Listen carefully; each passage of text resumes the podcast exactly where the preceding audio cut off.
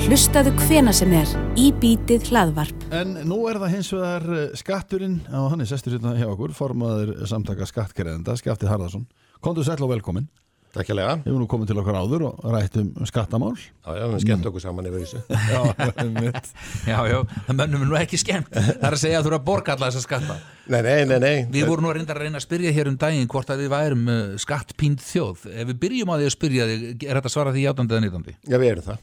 Við erum með líklega næst skattpíndasta þjóðin eða súþjóð sem að e, notar næst, já, eða sem, sagt, það sem að við erum í öðru sæti og eftir e, Svíþjóð með e, hérna hlutild ríkisins í heildar umsöfum í samfélaginu. Já. Og hérna, ég- mér finnst þetta ekki neitt til þess að státa sig af. Hvar eru Danir, mannstu það? E, Danir í fjórða eða fymta sæti. Já. En hérna stundum hefur verið að tala um það sko sumir hafa slegið svo fram það allir við sem ekki að borga af okkar launum í raun beint og óbeint 60 til 80% í skatt Já, alveg klálega. bara alveg klárlega Það, það sé að meðal tekju maðurinn Já. vegna þess að ég er bara með tölur hérna skemmtilegar ég held að við með sér að skoða þær áður og þetta, er, þetta er eitthvað sem verður aldrei of oft endur þykir en við erum að tala um það að maður sem tekur 500.000 krónu í laun mm. hann kostar aðrunreikandan 676.000 krónur. Já, hann kostar hann 676.000 og hann fær 340 hann fæði Já. 140 hann fær 50% þá tekur þið þessar tekjur sem þú komið í vasa 350 skallinn. 350 og byrjar á því að taka bensín á bílinn og fara í átíðaferð og kaupa matvöru. Borga er fastingnaskattana það er alveg sama hvað þú gerir. Þú ert skattpindur alveg sama hvað þú gerir.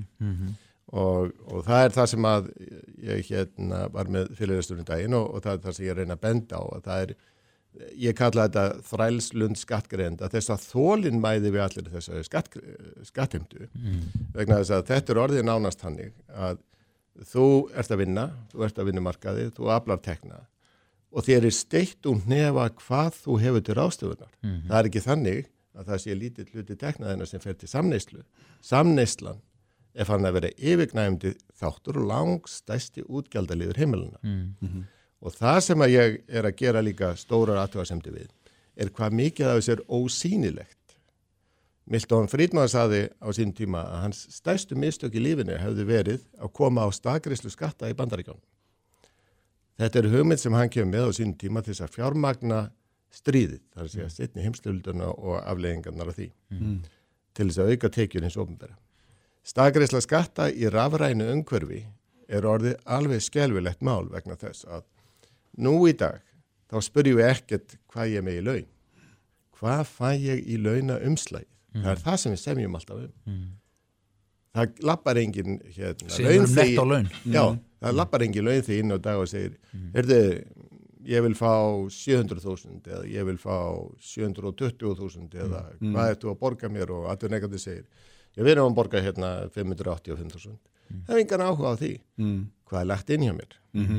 Vegna þess að hitt er eitthvað sem engin horfi lengur á. Nei. Þú færi raflænan launaseðil og þú skoðar ekki hvílíkur kostnæður er að baki þeim launum og hvað þú ert að láta hendi.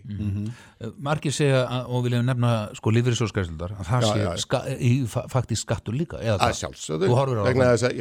Hvernig sko, raukstuður það? Vegna þess að, fyrsta lagi, þetta er ekki erfanlega eign. Þú Mhm. átt ekki þennan pening. Þú sömuleiðis greiðir öðrum, það eru uh, hérna, lífeyrissjóðan, það skiptist í raunintvend, það er séreignin Mhm. og sameignin. Út úr sameigninni er tekin alls konar stöðningu við fólk sem að hefur orðið fyrir áföllum í lífinu. Uh, það eru alls konar bætur þar inni. Og ég er ekki að gera aðtúa sem þið við það, alls ekki. Ég vil hins vegar að lífeyrissjónu sé algjörlega skipt upp. Það er bara séregn, hrein séregn og síðan er ríkið sem sér um hinn hluta málsins. Það er að segja að alla bætunar sem umræðir. Já, og að ríki séð um að fjárfesta þar líka eða hvað Já, ég ætla nú ekki að láta.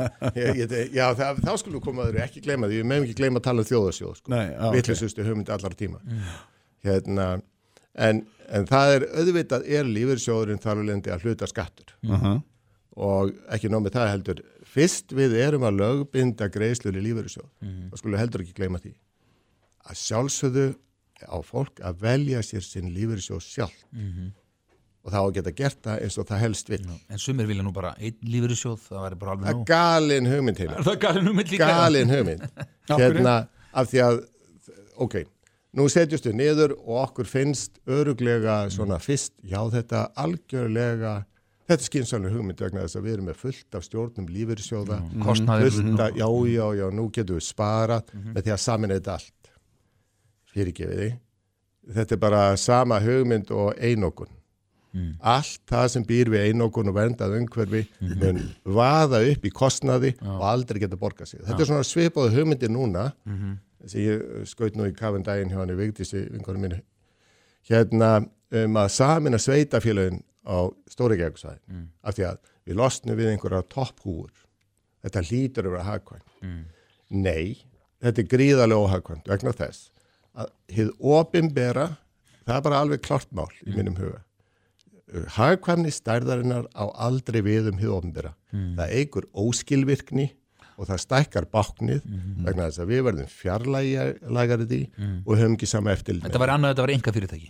Allt annar mál. Allt annar mál, sko, meiri sér enga fyrirtæki það er hagkvæmni stærðarinn ekki alltaf sjálfsög. Nei, nei. megnið að fyrirtækjum eru lítil. En, en, en þú ert að tala um það, við sem að, þú sagðir já þegar við tölum um það hérna, þannig að við varum að borga einhver starfbílinu 60-80% í Já, þetta er bara þetta er, einhver starfbílinu, það er ekki hægt að reikna nei, þetta nei, nei, nei, nei, þetta er En alveg sumi getur sagt bara, já, en skaftið minn við eigum og við verðum að borga allan að skatt, vegna þess að hvernig eigum við að geta reiki skólan okkar, hvernig eigum við að geta reiki sjúkrahúsin okkar og heilbriðistjónustuna hvað með vegakerfið og svo framvís þannig að auðvitað þurfum við að borga skatt til þess að geta sko notið taka, sko taka lítið dæma helbriðistjónstunni, svo uh, vil svo til að ég er búin að standa sjálfur í smá málum með það. Mm. nú þarf ég að fara í liðskipta aðgerð. Mm. ég er búin að býða núna í, já ég beði í fjórum mánuði, þá uh, eftir því að fá svar frá uh, spítalunum hér heima sem að, að læknirinn minn hafi sendt beðni til. Þar var að teki fram að ég fengi ekkit viðtal og gæti ekki tímasett það í loka april, fyrir bara einhver tíman í haust. Hérna, eftir fjóra mánuði eða eftir þrjá mánuði hef ég heimil til þess að fara ellendis í þessu aðgerð. Og ég skrifaði sjúkratryggingum vegna þess að mér fannst þetta mjög skrítið kerfi. Sko. Fyrsta lagi að spítalar hafi ekki dagbókaforrið, þannig að þau geti, þú veist, tikkað inn hvernig er alltaf að tala við fólk. Mm -hmm. Þið gáttu til dæmis ákveðið að tala við mig klóðan átta núna. Mhm. léttilega, Alveg, já, léttilega. þurftum ekki forrið Nei, það þurfti ekki tvorið til það. Svo ég uh, hérna fór í skemmtilega breyfarskriftir sem að nokkur er búin að skemmta sér yfir við sjúkurtryggingar. Vegna þess að ég má fara út á kostnað skattgreðenda upp á 2-2,5 miljón og fljúa heim á sagaklass og fara út með konni, bæði á dagpinningum en ég má ekki fara í klíningina sem er hérna við hliðina á okkur sem að gæti tímasett mig strax í júni fyrir 1,2 ódýrar halvirði, Mm. Ég má það ekki. Af hverju ekki, Af því að það er ekki samningur við Af- klíníkju. það er ekki samningur Af því þetta er pólitík. og af því þetta er pólitík. Fyrst og fremst skuli ekki af því ekki samningur heldur af því að það er ekki samningur af því að þetta er pólitík. E, ef að, við skulum líka taka þetta bara hana ég, ég segi stundu til gammans þetta. Ef að ríkið gat ekki reki græmitisveslun ríkisins og flutting kartabulur sómasamlega Mm. Eða skoða bíla sómasamlega og þess að væri myndir af sko sex tíma byðröð hvað fær ykkur til þess að halda að ríkið sé svona snjált í að reka heilbriðiskerfi og mentakerfi sem er miklu flóknara. Ekki að segja mér að þú viljir enga veiða enga veiða heilbriðiskerfi að sjálfsögðu vil ég nýta kosti enga framtaksins það heimir, heimir ekki uh, leggja mér orðið með sko. en viltu hafa þetta eins og í Englandi, búpa til dæmis nei, nei, sjáðu hvað viltu hafa að gera? Ég vil einfallega gera þetta þannig að ríki sækist eftir því að fá sem hagkvæmasta og besta þjónustu fyrir sem minnst fjö hverju sinni hvort sem að það er frá hendi ofnbæra aðila eða enga aðila. Ja, við höfum náttúrulega verið með enga rekstur í En af því kerfinu að það er, þú hefur verið með það, en það er bara alls ekki nóg og það er verið að stiga á það núna.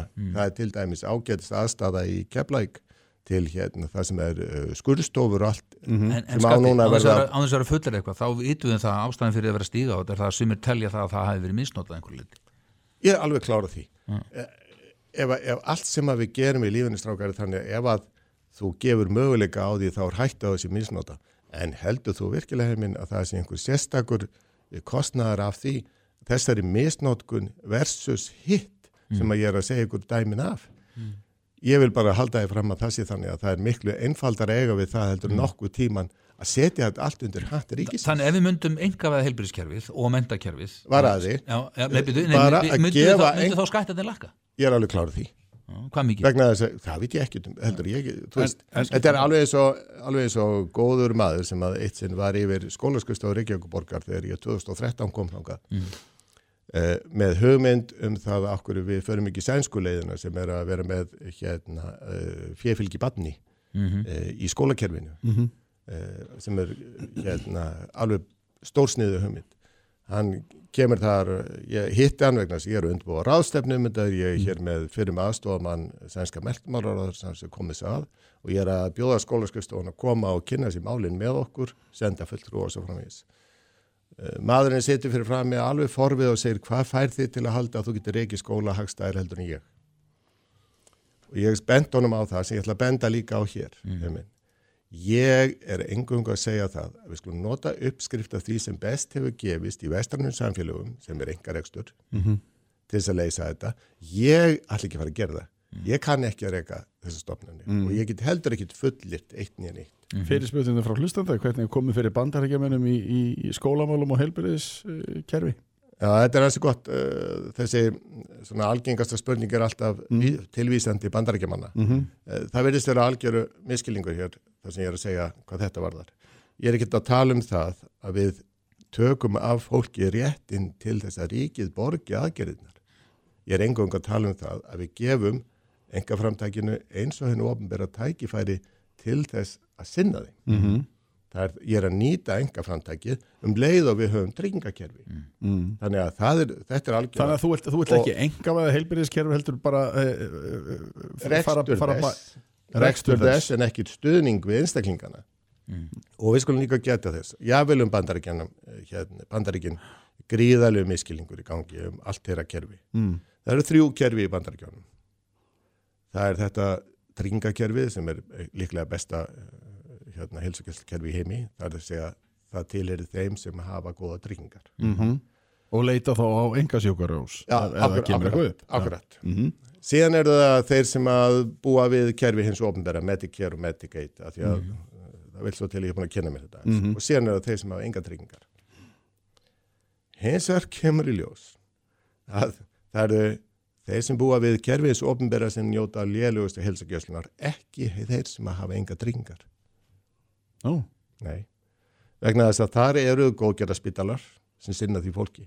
Það vil bara svo til að það fólk er í mörgu tilvíku betur sett heldur en það sem býr við ofnbæra. mm.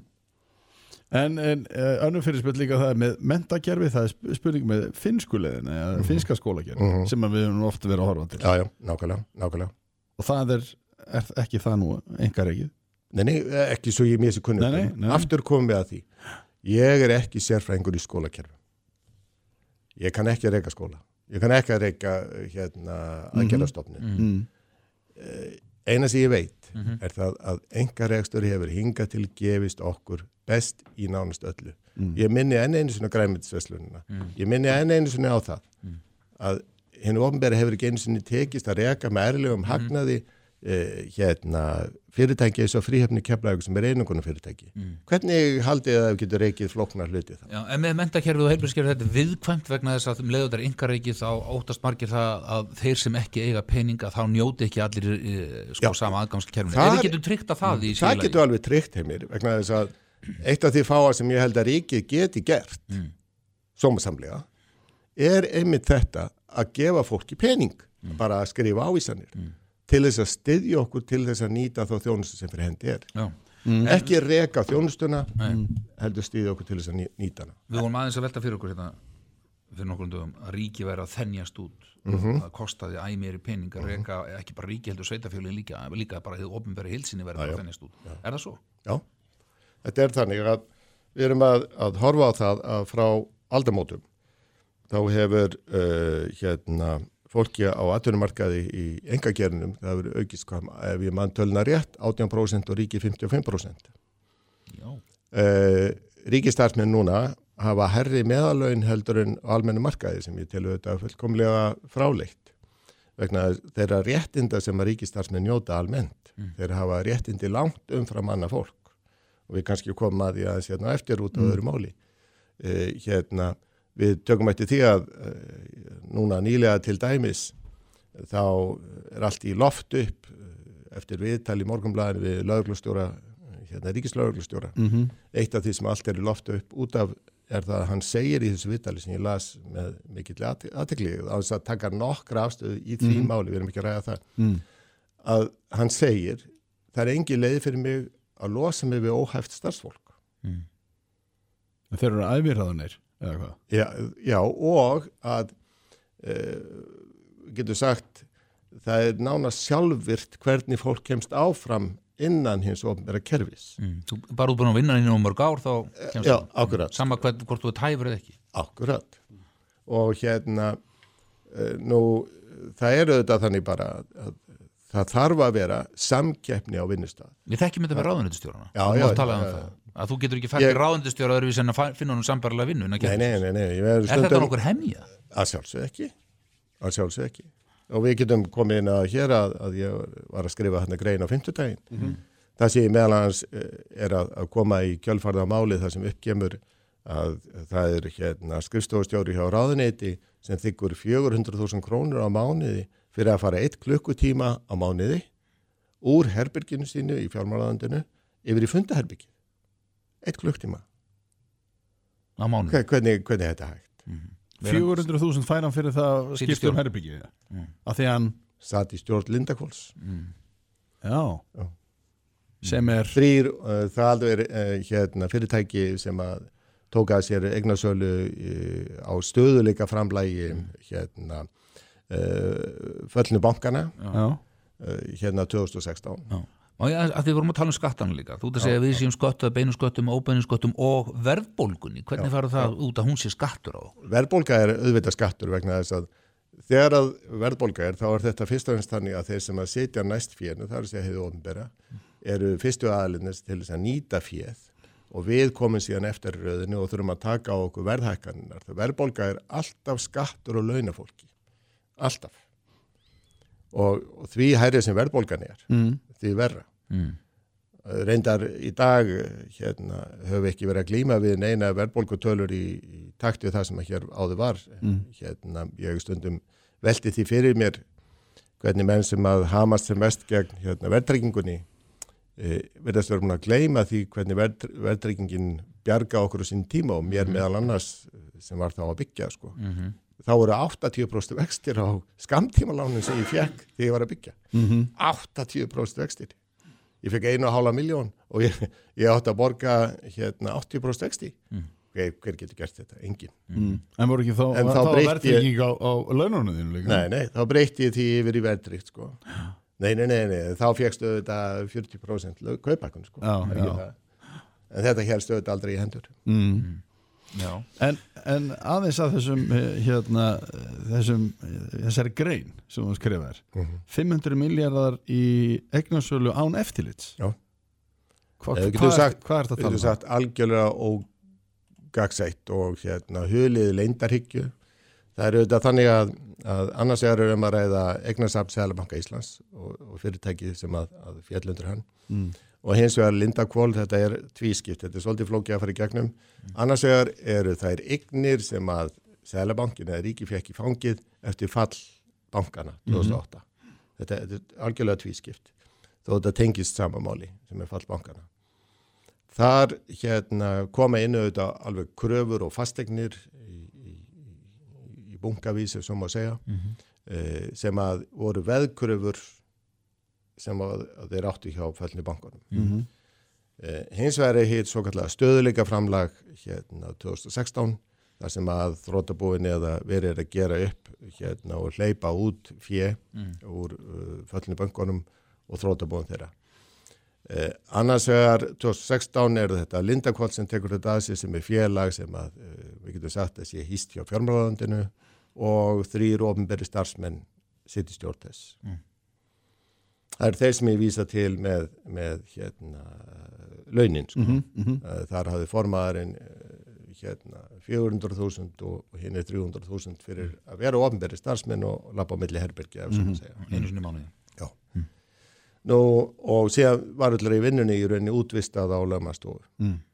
og þessar eignir sem þarna er eru gríðarlega eignir og semt af þessu er enda mjög sérhæft og ég er ekki að gera aðtjóðsend við það en það sem ég gerir aðtjóðsend við og í þessari grein út í gegn er það allt á þetta sé stað að það sé gert eins og ber að gera þetta og Jón Danielsson og, og hérna benti á en þetta er gert í grein þetta þarf að fara vandlega og varlega í þetta vegna þess að 500 miljardar í umsjá fólks það sem ekkert eftirlit er býr til slíkan fristni vanda að það þarf alveg óskaplega mikla, mikinn her af englum til þess að standast þennan vanda. Ertu að segja það að þarna séu 500 miljardar sem ríkið á? Er það byrjað að selja nei, nei, þetta er löngu búið að að selja. löngu búið að selja Já, fyrir já, ekki þetta er að átti, ríkið átti og seldi og, ógagsætt já, uh, bara einhverjum sem að uh, hvað, vildu kaupa og voru valdir til að kaupa það sjáðu. Ég get að ekki svarað Þetta segir Það- einhver það sem spilling, ég er að- vinur og vandaminn hefur keft þetta á einhverju slikk eða?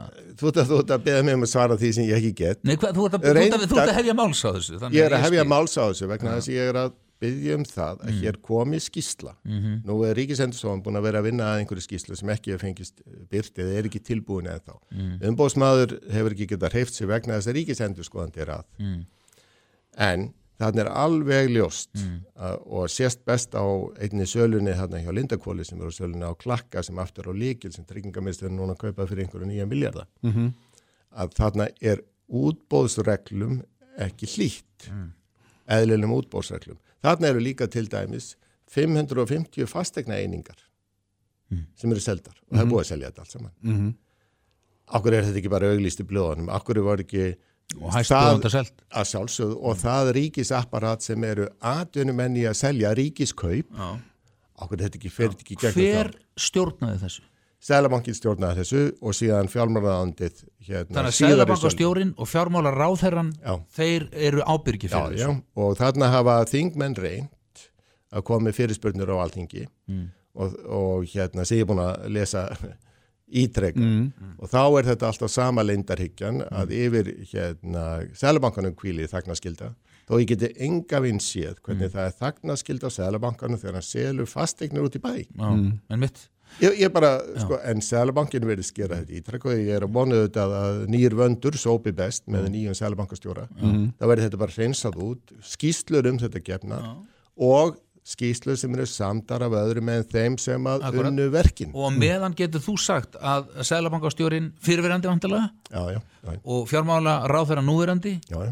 gætu leið undir grunn með það að hafa selt þetta vinnum á vandamennum Já, þeir gera það ekki, það er alveg klart því að það er félag hérna... og hverju gera það þá? í- Það eru þetta stjórnir þeirra félaga sem stjórðu, stýrðu sölunni sem um Hverju ræðir. sitt í þessum stjórnum? Það eru þrýr embætsmenn í Lindakóli sem tók að þessi stöðuleika framlæðið og Mm. síðan sitja stjórn, uh, stjórn hjá uh, eignarsafninu sem að Sælabankin Þannig að þessar stjórnir gætu mögulega hafa selt þetta vinnum á vandamennum að og kannski hagnast á því ef Að óbeint sjálfsögðu. En við skulum fara að Nei, í það. nei, ég er, ég er ekki að fullera sem- þeir gætu, þeir gætu er að- undir mögulegum grunn þar Já, segir að þú sjálfsögðu.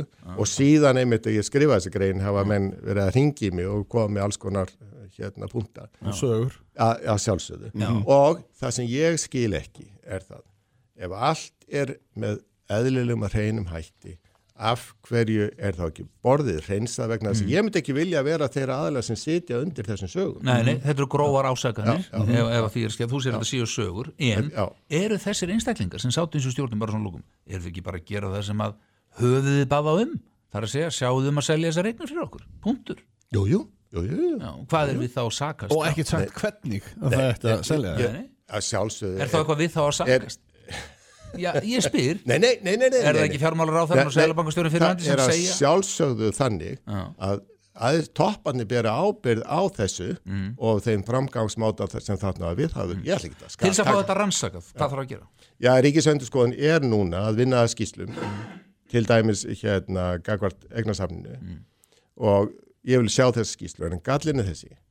Af hverju þetta fer þá fyrir bankaráðið og þessi leindarhyggja af hverju þessi ekki bara aflétt af hverju bara getur ekki þetta út strax? Það er strax vaktinn og grunnsendi 2016 þegar að sala hérna á stöðuleikaframlæginu átt sér stað, þá kemur fyrir þingið til að, um, að veita þeim sem að taka sér söluna skadleysi fyrir fram. Stjórn og þeim sem koma að sölu hérna þess að eigna verði tryggt skadleysi. Hverju á að tryggja fólki skadleysi fyrir fram fyrir það sem ekki búið að gera? Það er góð spurning. Áhugavert uh, Skafti Harðarsson, uh, formaði samtaka skattgreðenda, takk kjærlega fyrir komuna.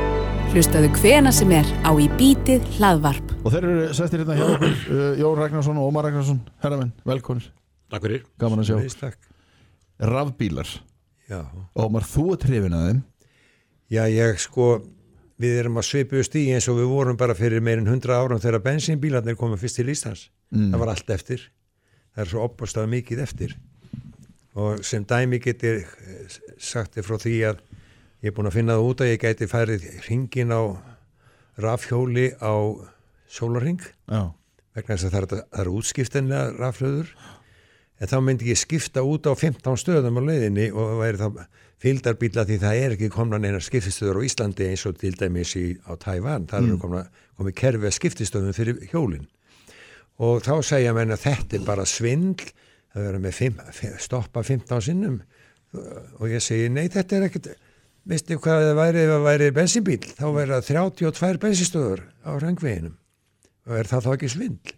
Og það þýðir það að maður er svo fastur í því sem er sko, við, maður gefur sér að allar þessar bensinstöður hafi dotti bara á himnum ofan mm.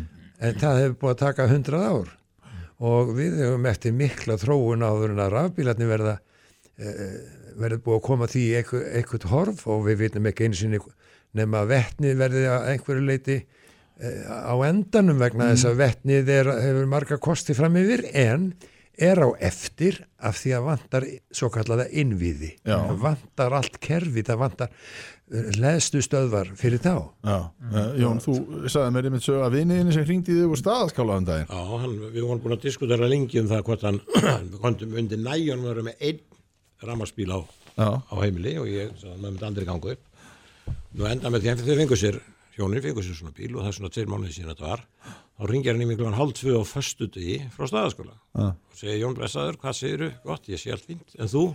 Ég er nú statur á staðaskóla og ég segi, já, ok, ég var að færa heimsækja mamma og pappa sög, mamma og pappa sögurklokk já, Já, ég var að því hann. klukkan er hálf tvö núna og ég fæ hleðslu klukkan hálf sex í dag og þá er ég eftir að hlaða. Þannig að ég fenn náttúrulega bara í bæin í kvöld. Ég get ekki sagði þess á sunnundaginn og þetta er það sem er að, þetta er ekki nærri, nærri, nærri, nærri komið sko, svo langt á frí frá, frá því. Og við erum svo langt í land. Og bara takkið í dæmið, stoppið í Víki Mýrdal eða stoppið í staðaskála og teljið alla sem taka bensín eða olíu á mm. einu klukkutíma. Mm. hvað tölur fá út, ég veit ekki 100 bíla kannski, hvað er allir að laða þessu 100 bíla, það tekur 2-3 tíma. Þetta er svo langt, langt í þetta, ég er ekkert á móti rafmagna síðan svo, en það er mjög mikið tvískinningur í þessu, mm. Þannig að fara og ætla að fá sér rafmarsbíl og jafnvel tvo, það er ekki málið eða hvað? Ekki, mér finnst þetta mjög sniður lust að byrja með sem annar bíl á heimili. Já, en svo er verið að tala um allan hennar sparnar og menn eru bara alls ekki sammála því. Áskonum til og með í Oslo, hann segir þegar frá upphæfi rafmagsbíl, svo til enda er hann búin að menga meira heldur en eða dísilbíl hvernig þá? bara búa til geimana eða geimunum. Ég er að heyra sögur að því núna, ég veit ekki teka fram ég er ekki við sem að séu réttar en, en eh, fólk sem lendi tjón á bíl. Við skulum bara taka sem dæmin að vera tryggja miljonar bíl tryggingafélagi ákveðar að borga hann út. Ég teka fram, ég er ekki búin að nota staðfest. Ég var stuttu tími fyrir, fyrir vera á þessu Jú, jú, allir sammála það með að maður þryggja miljonar virði en mínu 700.000 vegna eyðingar afgeimis Já, já, Þetta kemur nýr, nýr flötur á sig og hver allar að, hver allar að standundi kostnarnum. Við borgum 700 krónur í úreyðingagjald á öllum bílum, alveg saman hvort það er rammarspílið ekki. Ég er búin að skoða það á, á, á, á, frá tólstjóra. En ef það kostar fleiri hundur hús eða geiminum, geimunum og mér skilst að þessi geimar sé að þessi rafgeimar sé að hlaðast um alla Evrópu vegna þess að þessi menn er ekki lagt í eða þessu, þessu mikið kostnaður. Mm. Það kemur að þessu fyrir að sinna. Já, þetta er ágættir punktur hjá bróðum mínum og uh, hins vegar eru náttúrulega orka náttúrunar setti nú sérstakt teimi í það að rekna út allt kólefnis fótsporið og uh, Erlendi sé náttúrulega búið að rekna það út sko, það eru þúsund miljónir bíla í heiminum. Allt þetta byggist á því að þó sett með kóla, jáfnvel kóla orkuver sem við erum ekki með. Við þurfum ekki að hafa neina ráðgjör af því að við séum að uh, koma með eitthvað kóla orkuver, ættum ekki að hafa það, að uh, við erum með þúsund miljónir bíla og það að bensínvélarnar skuli vera endapunkturinn á því að koma þessum bílum öllum áfram mm.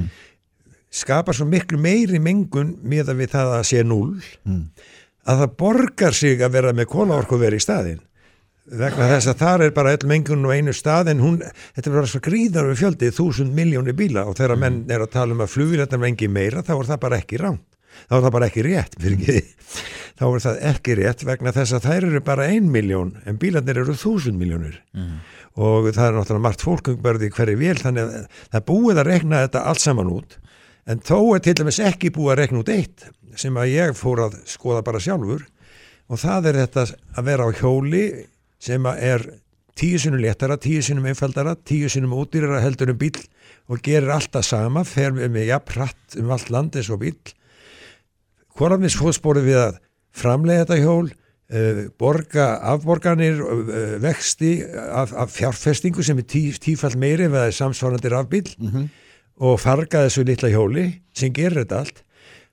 Ég er alveg klár á því að ef ég er að þessu hjóli sem eigðir ekki nema að brota því sem bíl eigðir og fer samt svona hratt og svona langt að uh, þetta er ekki meira kólabilsfóðspor heldur en rafbíl og ákallega einfald og þarf enga umviði. Nei, já, en, en við erum nú að búum á Íslandi Ómar. Og hér er rokk og rigning og hér er e, skítaköldi og snjór og frost. Þannig að við erum all- alltaf að fara að nota reyðhjólin hérna. Já, eh, þeir eru allt árið í Kaupmannöfn og það er jafn kallt í Kaupmannöfn í janúar eins og hér. Ég eh, sagði nú veitni í byrjun september að segja, þetta er alltaf skýta vesen hérna eins og þú segir, þetta var vel orðað hjá þér, mjög vel orðað hjá þér. Og ég sagði, já, ég vildur nefna daginn sem að var þannig við að væri ekkert að vera hjóli frá því í apríl. Já, Þetta var náttúrulega óvennilega gott sumar en ég nú er búin að vera hjólum í fjögur ár mm. og mín reynstaði svo að ég fór inn í þetta fullur af furðulegum fordómum hafandi verið á reyðhjóli hvaða veðri sem var þegar ég var unglingur. Þá bara allir nú fatta í það að það er alveg, alveg sama veður núna eins og þegar ég var unglingur. Það- og það sem ég hef bara upp úr því að fara aftur á hjól er það að ég er að vinna upp glötuð unglísára því að ég hljópi yfir stígi sem að Jón bróðir fór á og var, hafði gaman af og var á, á velhjóli sko. Mér langar að spyrja ykkur hérna, það er hlustandi sem að spyr hérna og byður okkur um að spyrja ykkur uh, uh, um hættun og aðkomu lauruglu og sjúkraflutningamanna þegar rámasbílar lenda í hörðum árekstra, árekstri eða bílvelt og, og svo framvegis. Það er sagt að fólk fái rámastuð og láti lífið margvalt oftar í svona slísum er eitthvað, hafið eitthvað hérna þetta? Þetta er bara alveg starrend. Þetta er starrend? Já, vegna þess að það þarf strangt til tekið þegar ramaspíl endur í tjóni, þá þarf fagmenn og mér er sagt að umbóðsæðara hér og þjónustæðila að með, ef við er rétt á aðstæði þá þurfa að koma tveir til þess að haftinga geimir vegna þess að þetta er bara mikið sprengja þetta. Þetta er bara starrend. Sprengið þetta Já. Já, og þeir bara, hann segir, sko, á ég spurði sérstaklega því, okkur þurfa að vera tveir. Ég bara vegna ef annar, einhverju hluta vegna verður annar að stoppa, getur ekki klára verkið þá verður maður sem grýpur inn í og, mm. og klára þetta mál. En menn eru held ég kannski að þekkingarleysi að bara aftengi þetta sjálfur hér, hýst og hér og það er bara alls ekki rétt. Þannig að það þarf menn sem kunna þetta og prófís eða algjörlega. þjálfur. Nú skulum við fara aftur tilbaka, það er aldrei gaman sko, einu sinni var hestur Nú, og kerra. ætlaðu við ekki að tala um bíla? Já, en býttu við, þróunin er þessi, þetta er hestur og bíl, hesturinn fyrir fram að kerruna, svo koma bílar alveg fram til 1934 og þeir eru bara eins og hestakerrur með vél fyrir fram að sig, í staðin fyrir hest. Þegar að sjúkraflutningamenn koma bílunum þá, þá þurftu, þurftu það var sérstætt náskið mjög við það að koma að hesti sem að hefði fengið slagið eitthvað, það er bara allt annað mál og ég vil minna á það hvað hreyfillin heitir í þessum bílum. Hann heitir nú einfallega sprengireyfill og það heitir eldsneiti sem að gengur fyrir.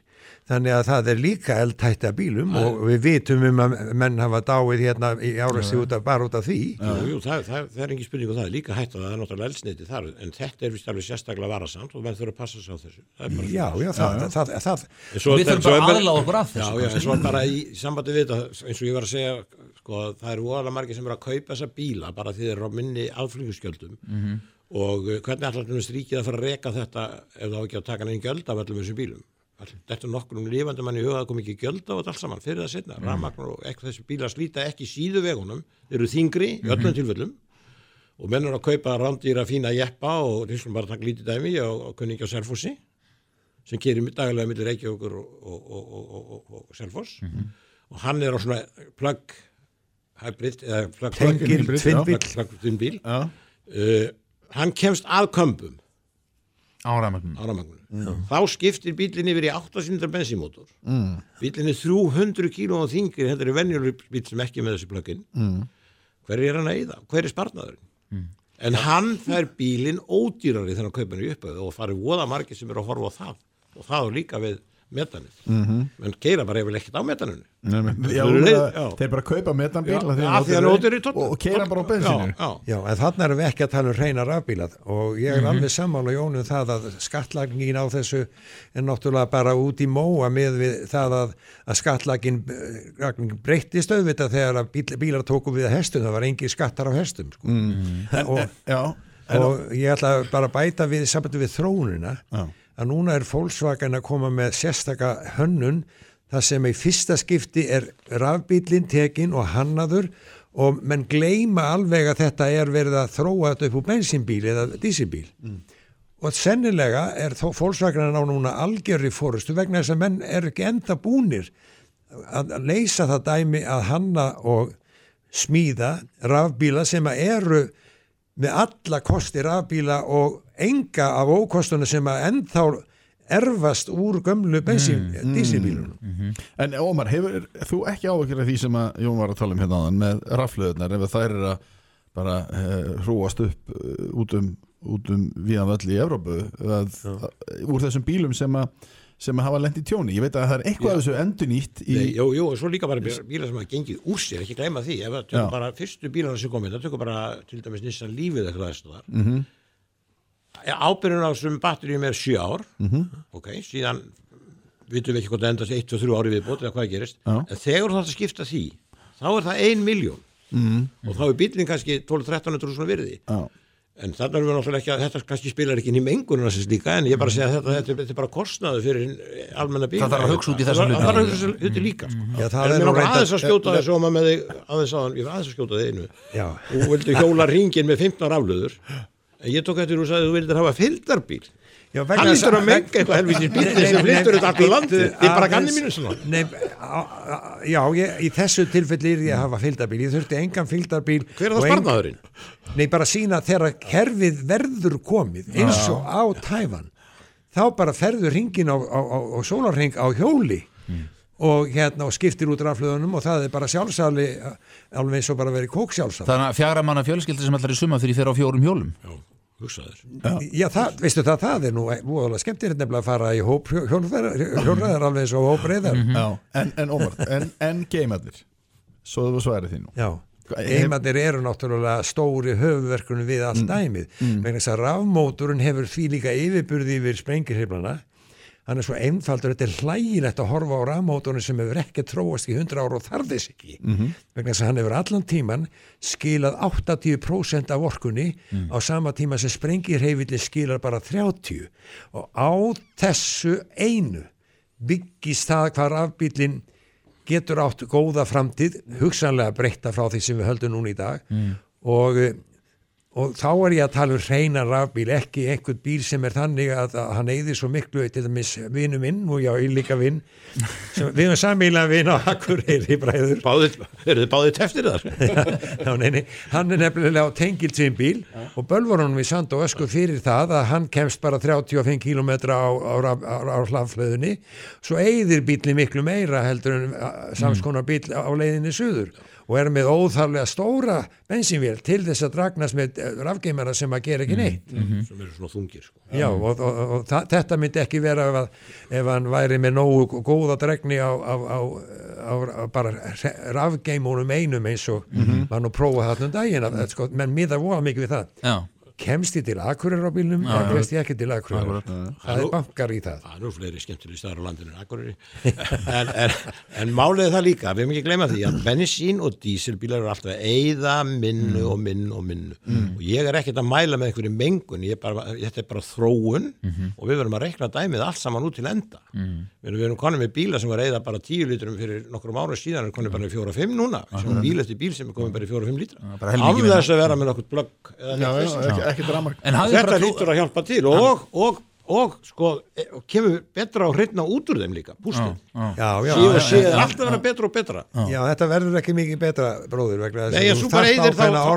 þá, mengar þessu. bara við að búa til geimeran í hinabílum, ekki þið, sem eru í þessu en- dæmi öllu saman, þið gleymið öllu þessu og þið viljið ekki og þið, það vill enginn tala um þennan Jú, þetta gerði orka Og svo náttúrunni ein- sínu, síndi að mér svo grafi hvað það væri mikið fótspor við að búa til geimin að flytja lítiðum og annað.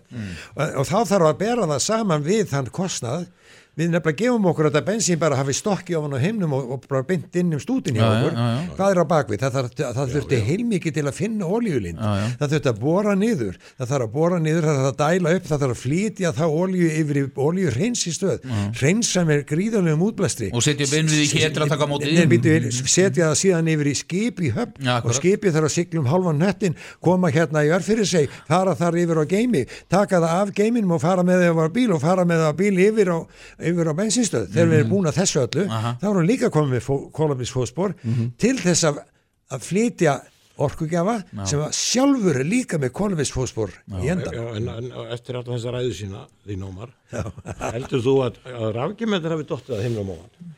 Nei, nei, ég er Það ekkert er að líka segja búið þetta allt saman til með þeim. Það, þetta, það er bara eins og vilji enginn segja söguna alveg til enda því að hendar ekki að segja ákvæmna hluti og, og ég- það það er mín skoðun á þessu. Já. Já, við, ég var nú bara að segja hinn hin, hin, hina já, liðina já, já.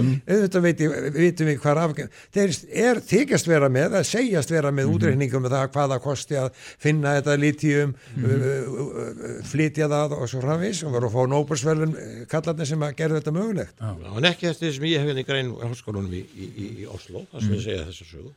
Ég er náttúrulega ekki reiknishausinn, sko. En, en svo, svo kemur alltaf að því sko, hverju ámar að trúa Þú veist, það eru alls konar fréttir. Ég held ekki stjórnmálumannum. Nei.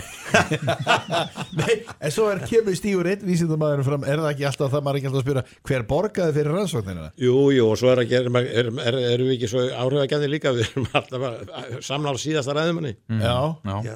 eða síðustu grein sem við lásum. Það er bara svolítið svolítið ég er bara þrýst í þessum heimi í alla daga bílasölunni og fólk er svo ráðvilt að búa að hræra svo í því það heldur að fá ekki að fara inn í miðbæ á bíl eftir nokkur ár á þessum bílu, bara hinnum bílum nú er allt í hennu dísilin orðin komin inn aftur með miklu betri. Og, já því að þeir eiga minna ekki? Jú, nei líka Nei, bara þeir eru búið er að búið að hreinsa það eitthvað útblásturinn. þetta er búið að sveiflast allt til og frá allan þennan tíma sem ég er búin að efni já, þeir eru búin að koma með Euro 6 sko þar, Já. Euro 4 er á, á hjólónu til þetta mis Já.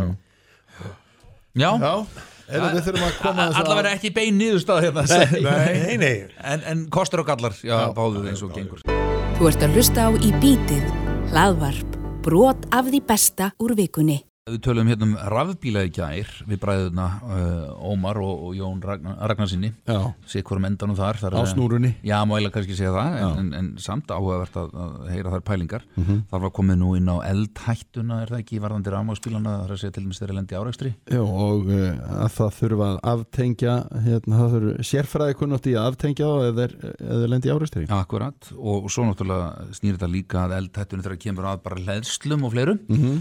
Og þannig að við ákvaðum bara að fá að heyra í þeim einari Bergmann Sveinsinni, hann er fagstjóri á forrótnarsviði slökkulistins og höfuborgarsvæðinu og vennharði líka Guðnarsinni, hann er dildastjóri á aðgerasviði líka hjá uh, slökkulinu höfuborgarsvæðinu, velkonir Ef, ef við byrjum bara á þessu sem að Jón var að tala um hérna í gær það er að segja þegar að uh, rammarspíl lendir í uh, áreikstri og, og hvað, þið komið að uh, og þá þarf vantarlega eins og hann sagði aftengja það eitthvað já, það sko fyrir eftir bara eðli tjónsins sem verður á aukutækinu e, mikið lítið hvar ákoman er og allt það. Þannig að við metum vettvangin í hvað skipti og síðan bregðust við við e, með viðegandi hætti. E, Númer eitt að þá tryggjum við okkar öryggi og síðan björgum við eh, fólki sem að hérna þarf að bjarga. Og, og hérna það getur því það við þurfum að, að, að tryggja það að það sé ekki hætta af, af háspenninu á bílnum. Mm. og það uh, allir bíla framleiður sem framleiða rafmæsbíla þeir gefa út öryggisblöð þar sem að uh, þeir gefa upp hvar og hvernig þeir vilja bíla séu kliftir og hvernig þeir eru aftengdir og annað slíkt. Og ef það er síðan eitthvað óljóst og þá höfum við tengilið inn í bílaumbúðin þar sem að við getum leitað okkur sérþekkingar séu vandamálin ykkur, ykkur uh, flókin og sérstök Mm. En hvað með þetta sem munir að tala um að sé meiri eldhætta og meiri sprengihætta er þetta eitthvað sem að þið hafið pælt í? Uh, við höfum svolítið pælt í þessu og einmitt það við kannumst ekki við þær upplýsingar að þessi meiri hætta af, af eldhætta af rammarspílum Nei. en það sannlega er, er erfiðar að eiga við eld í rammarspíli þar, rammarspíli þar að segja ef að eldurinn er í raflöðinni, stóru raflöðinni sem að knýr bílinn. Mm. það eru mörg vandamál sem fylgja því einfallega vegna þess að e, raflaðan framleiði sitt eigi súrefni, hún, hún býr til sitt eigi eldsneiti þannig að, þannig að hún hérna, viðheldur uh, eldinum og orkunni sem útleysist í raflöðinni Mm. sem er gríðarlega mikið og það er mjög flókið og erfitt að slökka þannig eld. Þurfa bílarnir að vera þá útbúinu með einhverju sé- sérstöku efni til þess að slökkva í rafluðinni, kóðu eða? Það, það dugar ekkert það dugar ekki einu sinni. Það er ekki hægt það er ekki hægt það að sem að slökkva dugar eld í rafluðinni best í að slökkva í sem sagt, uh, þessum stóru raflöðum sem er í rafbílum. Og ég veit til þess að það eru nokkuð slökkulið búin að útbúa sér þannig að, að það er bara gámur, hálfgámur eða stór gámur sem þeir fylla bara vatni síðan er, er flagið bara hýft ofan í, í Já, bara beint ofan í bara vatn. set, settir í sundlög Já, já, það er nefnilega sem leið og raflaðan verður fyrir tjóni. Mm. Þá er alltaf möguleik hún kveikir í sig sjálf í alltaf 120 klukkutíma eftir. Þannig að sem sagt, við höfum séð stæmi meir sér hérna heima að þegar raflaða hefur orðið fyrir tjóni hún kveiknaði henni 86 tímum setna þannig að bílar sem, rafmagsbílar sem verða fyrir tjóni og þó að kveikna ekkert í þeim þá er alltaf hætta á því að það kveikni í þeim næstu 120 klukkutímana.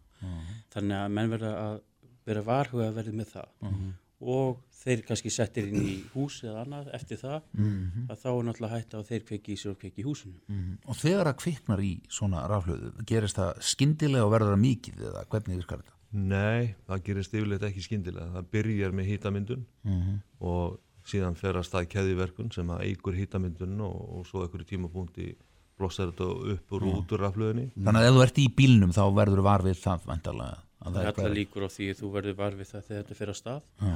E, það er til mörg myndbönd á netinu bæði hjá Tesla og fleirum um þessar rafleður hvernig það kveiknar í þeim Mhm. og það er allt frá því að það gerist mjög skyndilega og uppi það að það gerist mjög hægt Mhm. þannig að við getum ekkert sagt til um það hvort að það sé bara 1 fyrir 10 Nei, við getum ekkert bókað þeim. Nei. Nei. Mm. En, en, en í þá flestum tilfellum hefur raflaðan orðið fyrir einhverju hnjaski eða hvað það er alla líkur á því já Já, Það er allavega sem að setur áhættuna mjög Já. hátt En- upp og einmitt eftir umferðislis þegar svona aukutæki er flutt í burtu þá er einmitt lögð það áhersla að þau séu geimd á stað þar sem að stað var ekki hætta þeim ef að það, það kæmi upp síðar eldur í raflöðinni. Já. En síðan það að slökka í þessu er, er eitt en annað er mengunin sem að er af uh, hérna, bruna í svona raflöðu.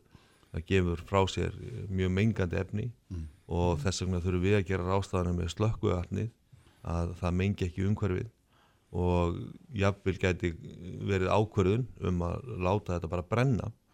Það væri minni mengun, minni skaði af því fyrir umhverfið að láta brenna Það eitur efni brennur. E, já, vegna þess að þetta brennur við það hátt hýtastig að, að efnin brenna mjög vel Mm.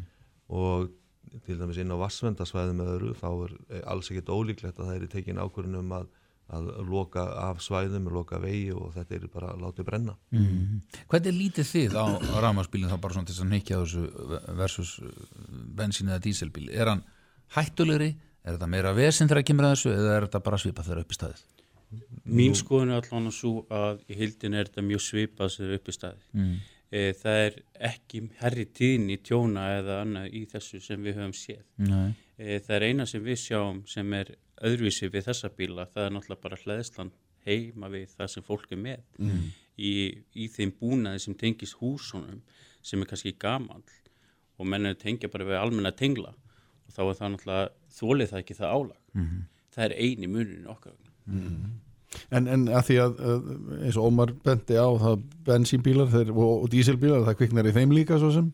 Já, það er einmitt mjög áverð að skoða það. Það er einn rannsókn sem ég veit um sem að var gerð í Noregi mm. og þá er bara mun algengara að kveikni í hefbundum bensín og, og dísilbílum heldur en, heldur en ramaspílum þannig að við höfum eitthvað sérstaklega ágjör af því per se, við höfum miklu meira ágjör af því sem einar er að tala um hérna það er hvernig fólk umgengst þetta. Það er, það er hvernig það er að hlaða bílana sína og annað slíkt, Já, það er áhugjefni já og, og e, það, já, já, spurningin er sko, er, er það vegna þess að þessir rafbílaeigundur er að nota þessar þessi hleðslu tæki sem fylgja með bílunum sem að hafa nú verið kölluð bara sko neyðar hleðslu tæki.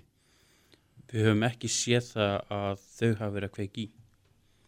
Við höfum séð það að sá búna sem þau tengja við, tenglatnir á veggjum Mm. og uh, sem sagt, uh, stoppstengir og annað inn í, Mm. í húsnæði. Það er þar sem er vandamálið, það sem er kannski mjög gamli stoppstrengir, það er gamall búnaður. En ef menn er að gera þetta að setja þetta upp í dag þá er yfirleitt sett upp vel og, og rétt af fammönnum. En þegar menn tengja við kannski í fjölbílshúsi þessum kannski þrý tenglar í bílastæðikjallara og það er bara tengt við þá þrjá og 15 metra snúrur og annað, þá, þá fyrir við að hafa áhyggjur. Já. Þannig að í raun og veru þarf að sér leggja niður í töflu fyrir þessum uh, tenglum eða hvað? Uh, ég og hlæslutækjunum ég hef heyrt það að menn þurfa ekki setja sér uh, var Mhm. á þau tæki, já. Já, En- og, og sverari víra ventala Það er all, jú, það þarf væntalega að setja eitthvað En nú eru fjölbílshús míseflega fjölmenn ég meina, við getum verið með og, og misjaflega gömul. Og míseflega mm gömul nákvæmlega. Við erum kannski með, segjum bara 30 íbúða fjölbílshús ef allir fá, og- fá sér rafbíl einn rafbíl á í hverju íbúð gengur það upp að allir sé að hlaða í einu? Hvernig svo sem þú gerir þetta? Þið þið getið fengið hérna formán húsvegendafélagsins hérna þessi mál. Hefur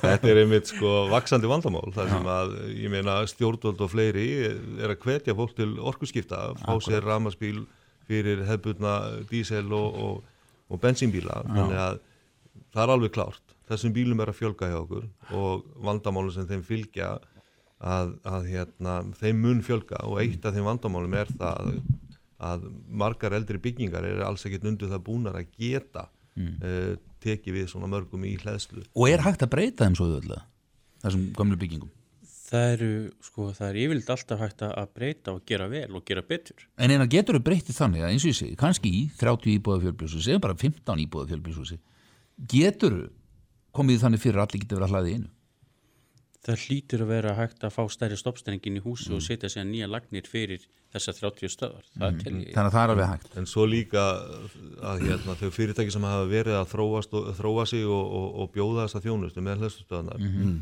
þetta er orðið mjög flotta stýringar á þessu og, og þessar hlæðslustöður sem er settar upp í kjöllurum þær stýra álæginu miklu betur Mm. og, og stýra álæginu og þau stýra í þannig líka að það sé ekki, það er ekki allir bílar í einu að, að, að hérna, fá hlæðsluna að álægin er bara stýrt. Þannig að yfir nóttina þá er álæðinni stýrt þannig að að modni eru bílandi búin að fá það sem þau þurfa en það gerist ekki allir í einu.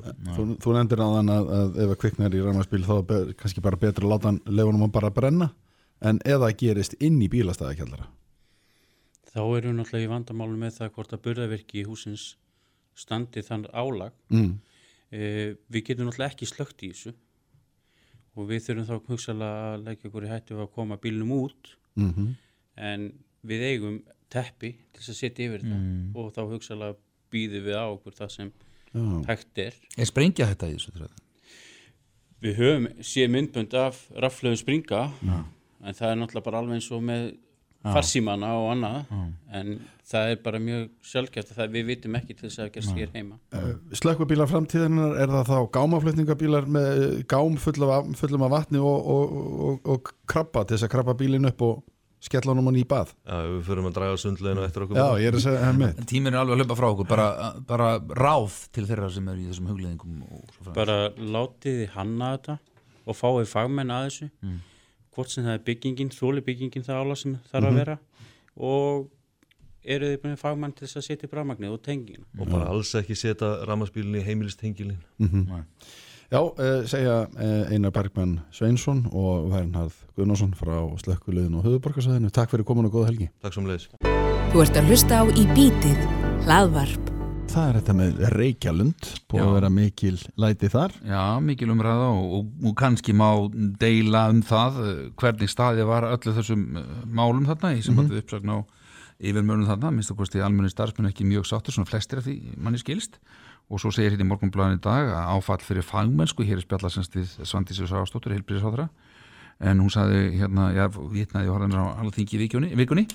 en uh, Bilgju, eða bítislustendur minnst að kosti, eða þekki eða kannast við Ólaf Þór Ævarsson geðleikni sem hingaði komin, komdu sæll og velkomin Komið sælir. Tekið við sem, hvað, framkvæmdastjóru í lækninga Já, og Til hamingi með það Takk fyrir hamingju. og uh, fóst upp til, hvað, fyrst í fyrsti gær? dagur í vinnu í gær. Já, og hvernig voru móttökunar? Sko af því að margir hafa heyrt mig í öðru hlutverki hérna langar með þess að útskýra það að þegar svona ráðning fer fram þá er þetta alltaf flóki ferli. Fyrst fer það fyrir stöðunemnd landlækni sem er gæða eftir þetta sá sem að takja við stöðunni sér hæfur og þar var ég metin mjög, mjög vel hæfur.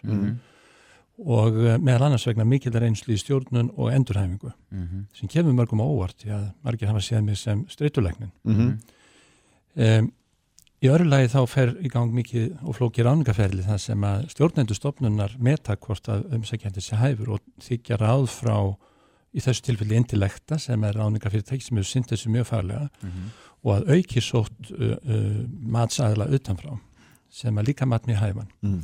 sem var mjög mikilvægt fyrir mig vegna þess að ég var einu umsækjandin mm. Já, og um, En ég, fyrirgeðu, bara Já. svo ég skjóti hérna í Já. vegna þess að nú eru svona uppi, að- að orð hafa, orð hafa verið sögð í þeim efnum að, að, að það væri kannski ekki hægt að treysta til dæmis þér sem nýjum stjórnanda því þú væri bara handbendi stjórnarinnar. Það er bara mjög framandi fyrir mig eftir þetta, þetta ferli. Og ég er að segja það að, að þeir sem þekkja mig vita að ég er hugsunumæður sem er sterka löngun til að láta gott að mig leiða.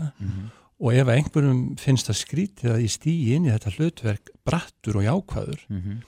og kalli það hróka Mhm. að þá kemur þá munni einhver sem þekki mig ekki. Mhm. Það væri ekki gott fyrir stofnunum ef ég væri hikkandi gagvart þess og þyrði ekki í þetta eða kæmi inn með hangandi haus. Mm. og það er engin ástæð til þess og nú ætla ég að segja ykkur bara glæsi sögu. Mhm. að það er hugssjana fólk fyrir mörgum árum félagshyggju fólk sem finnur að það eru breytingar í helbriðskerfinu ungt fólk að veikjast sem þarf annars konar meðferð en einfalda skurðækja það lifir af alvarlega sjúkdóma og þarf endurhæfing og þjálfun. Og endurhæfing er þá til dæra nýtt fag og þannig eru menn að stopna SCBS Mm. upp úr þörfinni að eh, koma fólki aftur til starfajabil eða í, Út í lífið. en- út í lífið Mhm. eftir berkla og þetta fólk það gerir ímsa hluti sem eru stórmerkilegir eins og til dæmis að hafa verkstofu eða vinnustofu það sem að er reykjalöndu sem allir þekkja og eiga gömu leikfeng frá það stopnar hapadrættits að fá peninga inn í kerfið og það fyrir mikla samfunni við alls konar góðvildar félug sem er að leggja mikið fyrir þetta starf Mhm. Og síðan stopnar að endurhæfinga miðstöð reykjalöndar og það er það sem við erum að tala um í dag Mhm. og í stjórn SIBS er hugsunarfólk ennþá sem er að reka þetta af hugsun ekki af business Mhm. en það felur síðan stjórn að stýra Reykjalundi sem meðferðarstofnun Mhm. og það er inn í þá stjórn sem ég stíg og Herdís Gunnarsdóttir líka sem kemur inn eh, samhliða mér Mhm. Og síðan, þetta er náttúrulega mjög glæsileg saga, síðan náttúrulega hefur þessi stofnun þróast með þörfi í, meðferðum og það sem að hún hefur kannski náð lengst í er það sem heitir þverfagleg samvinna. Mm. Starfseiningin er ekki deild á sjúkrahús, heldur þverfagleg teimi fagfólks sem vinnur að endurhæfingu Mhm. og þetta er bara með einum öflust endurhæfingastöðum á Norðurlöndum Ah. og síðan gerist það að það þurfa náttúrulega að vera breytingar og breytingarna felast í því að styrkja þessi teimi og breytingarna felast í því að, að aðlagast þörfin í helbriðistjónustunni þess að koma upp ný teimi, ekki bara berklar eins og í gamla dag, heldur, heldur hjartasjúklingar og ofittusjúklingar og verkjasjúklingar og svo framvegis. Mhm. og það sem að stýrir teimunum á Reykjalundi, það er þörf sjúklings sjúklingurinn er algjörlega miðsvæðis. Mhm. þess vegna er það mjög framandi að heyra tala um það að starfsfólki standi ekki vaktina, það er mikil miskilingur ég gekk um staðin í gær og það fyrsta sem að starfsfólki spurði um hvernig get ég sinnt starfinu mínu betur? Það meiri sé að sögðu sumir ég gæti ekki komið á fundin í gær af því ég er að sinna sjúklingunum. Mhm.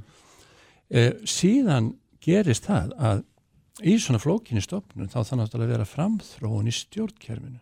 Þess vegna er ákveðið í vor að breyta skipuriti til þess að styrkja stjórnun. það Þannig ekki að stjórnunum var ekki nógu sterk eins og hún var Já, þetta er mín tólkun að þurfa Já. að, styrkja stjórnuna þáttin Mhm. af því að það tókast á í svona stjórnun alltaf vilji fagfólksins og síðan þarf að stjórna Mm. á herra plani og þá er ég ekki að tala um einhver stýringuna faglegu samvinnuna í teiminu heldur í, í stjórn fyrirtækis það er ákveðið mm, að breyta stjórnskipinu mm. skipritinu Mm. og menn verið, ekki, ekki verið sammála um það og það er eitt af deilu efnunum og, um, og í kringu það eru líka stöðuveitingar sem er, menn eru ósáttu við svo það sé bara sagt reynd út Mhm. menn ósáttu við það Já. Og þá er reynd uh, kannski í þeirri bara áttu að gera hlutina tortryggila en á bakvið þá breytingur engin önnu löngun en að styrkja flóki stjórn Þannig að þetta er ekki staðinn. persónulegt eða neitt. ekki fyrir mér Nei, Nei. ekki frá En, því en, en þú segist, segist aðeins að umsóknin þú segist að vera einu umsækjandinn Já, eh, Varstu byggðin um að sækjum? nei, alls ekki það kom öllum óvart að sóttum Já. og, og hérna en það er gammal draumur hjá mér að mér langaði mikið til að vinna á Reykjalandi Já. Mm. Í endurhæfingunni þá Já, Mm. En það sem gerist er að það er verið að vinna í því þá núna að, Mm. að styrkja stjórnkerfi eða skipurit Mhm. uh, Reykjalundar, mm -hmm. endurhænga miðstöð Reykjalundar Mhm. og það náttúrulega er eitthvað sem að stjórnin gerir áfram, Mhm. framkvæmda stjórnin ekki að CBS þeir kom ekkert að þessari stjórnun Mm. það sem flækir málin Mm. að auki, nú er ég að tala um sko, deilumálin, Mhm. er að það verður einhvers konar núningur á milli stjórnar SCBS og fórstjóra sem er þá rekin og það náttúrulega leggst illa í starfsfólkið Mm. vegna þess að hann hefur sinn afar góðu starfi á annan áratug. Mhm. Það sem flækir málinn líka er að forveri minn að það er óljóst hvernig hann átt að ljúka starfi.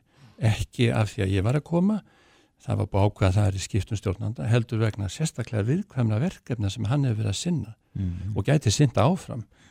Og þarna er miskýlingur á milli, milli um það hvernig hann átt að hætta. Mhm. Og þá virðist vera lausnin að reka hann til þess að skerpa á því hver er yfirmaður og hver ekki Mhm. sem er nöðsynlegt. Og svo flækir það líka málinn af því að fórsturinn er látin fara, þá þarf um, stjórnandi frá, frá SCBS, frá Mm. því, því, hvað ég segja, hann þarf að stíga inn og stjórna þeim tíma og hann hefur sagt það mjög skýrt í fjölmjörnum, hann vil ekkit vera þar og hann er farin út úr þeirri stjórn. Mhm. Stjórn Reykjalundar er núna í höndum fullskiparar Mhm. framkvæmda stjórnar sem var fullskipið í gær. Mhm. En, en e, þeirra svona kannski óanægja ríkjandi meðal starfsfólks Já. uh, og þú ert að koma inn á svona nýjan vinnustaf Já, er það ekki erfitt? það er mjög erfitt. Já. Ég gekk um staðin í gerð með Herdis Gunnarsdóttir sem er, er nýráðin líka í stöðu framkvæmdastjóra endurhængasviðs og hún tekur tímabundið þá við uh, fórstjóra embættinu meðan að það er auglist í opnu ferli. Mhm. Þeir sem vilja að koma að stjórnur Reykjalundar, þeir getur þetta sótt um það starf. Mhm. En við gengum um staðin í gær og við mættum ekki neina öðru en kurtesi Mhm. og uh, fyrirspunum um hvernig fólk getur sint sínu starfi sem best.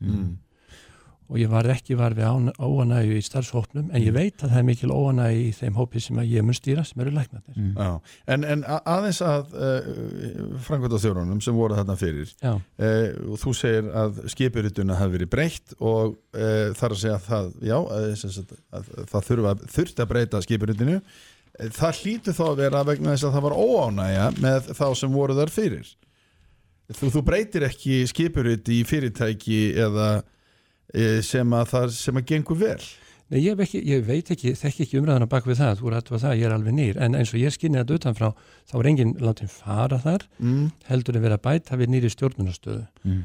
og, og, og það er náttúrulega yfirlýsingum að það sé vera styrkja stjórnun. En stjórnin ákvað engar síður að láta framkvæmdastjóran hætta Því það er í raun og veru ótengt mál. Það er ekki hluta skipuritinu, það er alltaf forstjóri yfir skipuritinu. mm. En einhver óánægja hefur hlýtur að hafa verið með stjórnina eh, með, með framkvæmdastjóran hjá stjórninni Þekkir það?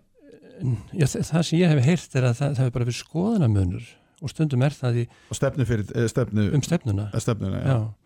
Þannig að ég, ég held að það sé orðarlægi sem að Mm. eins og ég skynnaði réttast að nota það hefur skoðanamönur og það Mhm. er verið þá að skiptum stjórnendur og það er náttúrulega erfitt úr spyrir, það er erfitt fyrir okkur sem komum sem nýju stjórnendur Mhm. uh, við erum eins og starfsfólk reykjalundar hugsanafólk við ætlum okkur að hlúa starfseminni þar og eflana Mm. og það er svolítið erfitt fyrir okkur ef að það mun þróast þannig næstu daga að við sem erum ný Mm. erum einhvern veginn gerð að þessum persónu gerð fyrir þennan vanda sem var Mhm. Og ég býst við eins og oft er að svona vandi tegi sig kannski lengra Mhm. aftur í tíman en ég Já. veit um uppsagnir lækna hafa þær þannig, hefur af því að fleiri segja upp og ég spyr þá líka er auðveld að manna þær stöður ef að það kemur til um, ég hef hlakkað mikið til að vinna með þessum læknahóp, ég þekki þessa lækna og tristi þeim. mm. Þeir eru flestir mjög reyndir. Það kom ein uppsögn í síðustu viku og það kom ein uppsögn í gær og ég, mér sýnist að komi önnur uppsögn í dag. Og þetta er náttúrulega eitthvað sem ég get ekki ráði við, ég get ekki styrt þessu, það, það er vald starfsmann sem að finnur að hann vil ekki starfa á staðnum að fara. Mm. Ég hefði kosið að læknandi gæfu mér færi á því að gera það sem við herdist ætlum að gera núna á næstu dögum. Er að tala við alla faghópana útskýra okkar stöðu það samtal hefur ekki farið fram er þá sent að eiga orðið þessar lækna sem hafa sagt upp núna? um, já, það eru tveir búinir að se- segja upp og einn á leiðinni Mm. Þetta getur dreigð um svo þannig tilbaka þeir gætu gert það og ég, ég er nú sko alveg, ég ætla ekki að ganga eftir fólki Nei. það, þetta eru stoltir menn, ég þekki á vel Mhm. en ég er mjög þess að samtala á eftir að fara fram og þetta er fólk sem er unnað hana lengi og hefur lagt mjög margt gott Mm. að mörgum fyrir Reykjavík og ég pínlítið hugsandi á að menn fa- fari Mm. En ég meina þegar þeir fara, þessi Já. þrýr lendir, lendir reykjalundur í vandræðum er auðvelt að manna þessi ég hugsa að Reykjavík myndi lendi meiri vandræðum ef þeir vera áfram óanæður Mm. mm. það er betra með en fari ef þeir sjá enga, enga samleið lengur Þannig að þú hefur ekki áhyggjur og þú getur ekki mannað þessa stöður Jú, ég hef miklu ágjörð því Mm. en þess að sérgrein endurhafingarlækningar sem að flestir af þessum læknar tilheyra Mm. er lítil sérgrein og um, það er um, mjög mikilvægt að hlúa að endur nýjun og styrking á þeirri sérgrein. Mm. en um, uh, þeir sem að sitja áfram þeir eru mjög öflugir Mm. og ég vona að þeir sem að eru óanæður að þeir hafi haldið áfram að tala opið þannig að það sé að ræða ágreinismálin Já.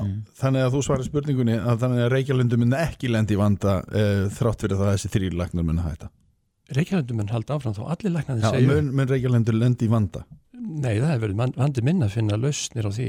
Mm. Það er hægt að finna lækna í þessi störf, Mhm. en það er mikilvægt að finna reynda og góða lækna þess er náttúrulega langbesta lausnir að þeir sem eru þarna Já. haldi áfram. Já.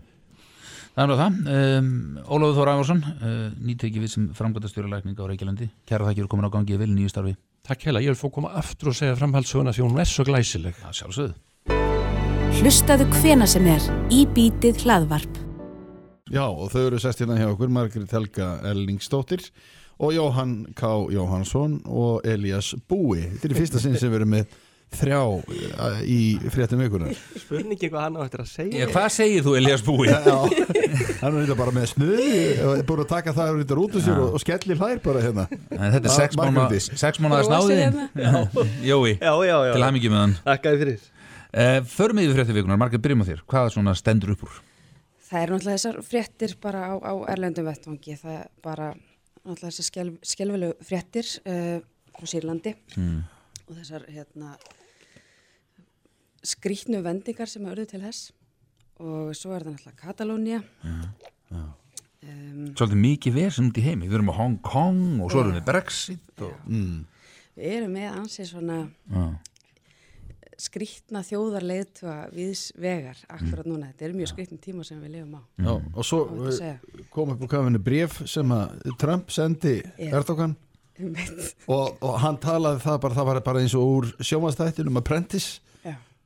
Hvað sagði hann? Ekki vera flón? Nei. Já, já, ekki, don't try to be a tough guy Já, ekki reyna að vera harðjagsl Og Erdogan tók bref og Já.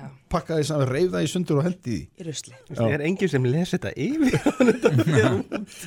Þetta er- þetta er náttúrulega stórkoslegt þetta, hann tekur þessi ákvörður um að draga herliði tilbaka Mhm. uh, og svo og Tyrki notaði náttúrulega tækifæri og ráðast strax inn sem var viðbúið.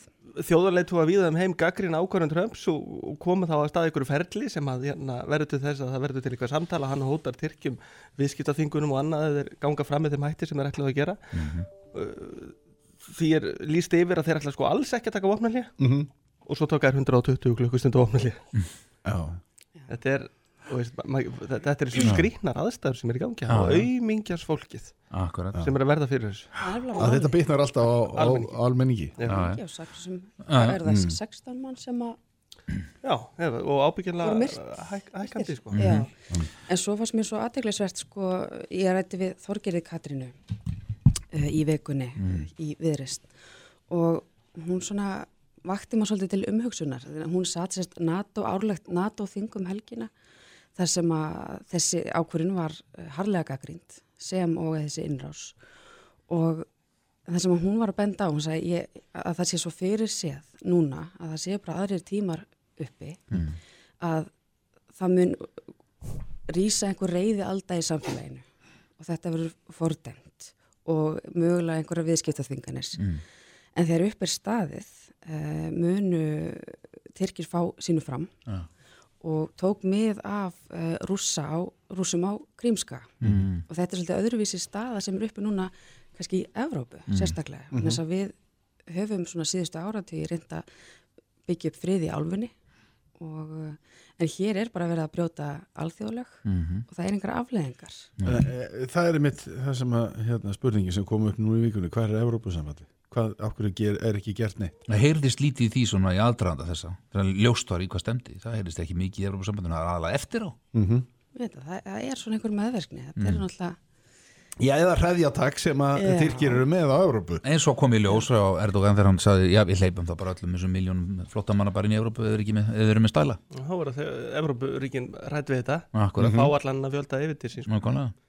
Nú svo er það Boris blessaður uh, sko maður eiginlega svona brost út í annað þegar ég heyrði að hann var komið nýjan samning frá Evropasambandinu og svo kom, en ha þingið það er ekki vist að þingið samþykja þetta. Maður hugsa bara Nei, hvað hann er ekki með þetta? meira hluta Sagan endalus Ég var að hugsa það. á leðning að það þyrfti ykkur að fara að taka saman fréttaskýringu bara um hvað snýst Brexit. Maður heyrir bara Brexit, Brexit, Brexit, Brexit, Brexit. Jó, minn, þú mátt taka það að þér Ég verð og það er bara að setja upp á mannamáli um hvað þetta snýst. Já, en þetta er, jú, jú, enn eitt samningurinn í höfn og, og, og, og hérna það var svo, svo, svo fróðlegt að sjá hvernig þingi tekst á við það mm. hvern, varstu hvernig aðkvæða greiðslan á að fara fram?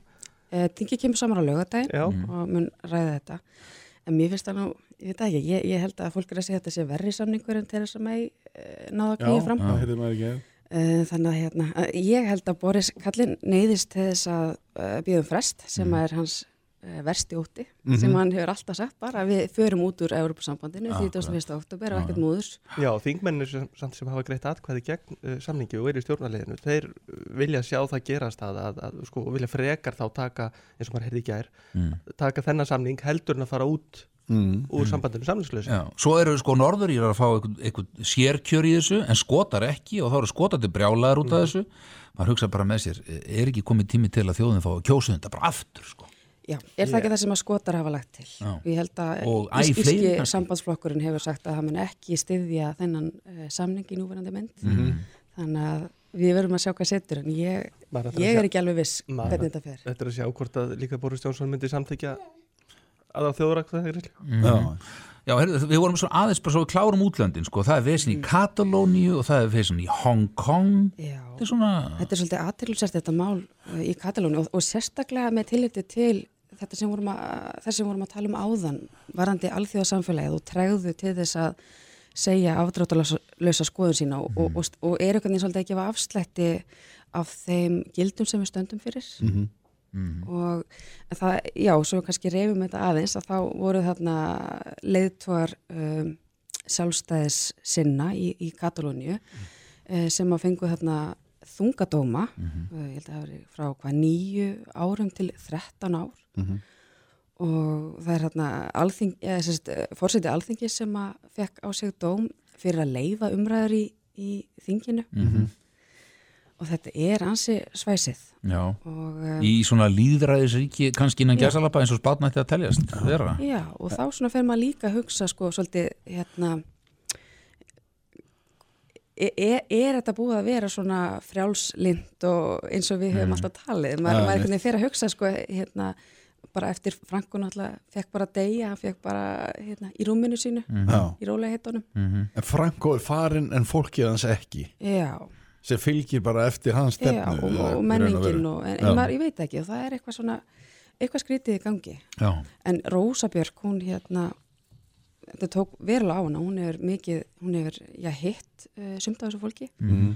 hitti Alfred Boss sem að hérna utrækisráðra Katalóníu og hann var nú í vitali hjá okkur líka uh, þennan sama dag og þau hlutu þessa dóma og hann segir að þetta sé bara pólitísku dómur Mhm. Mhm.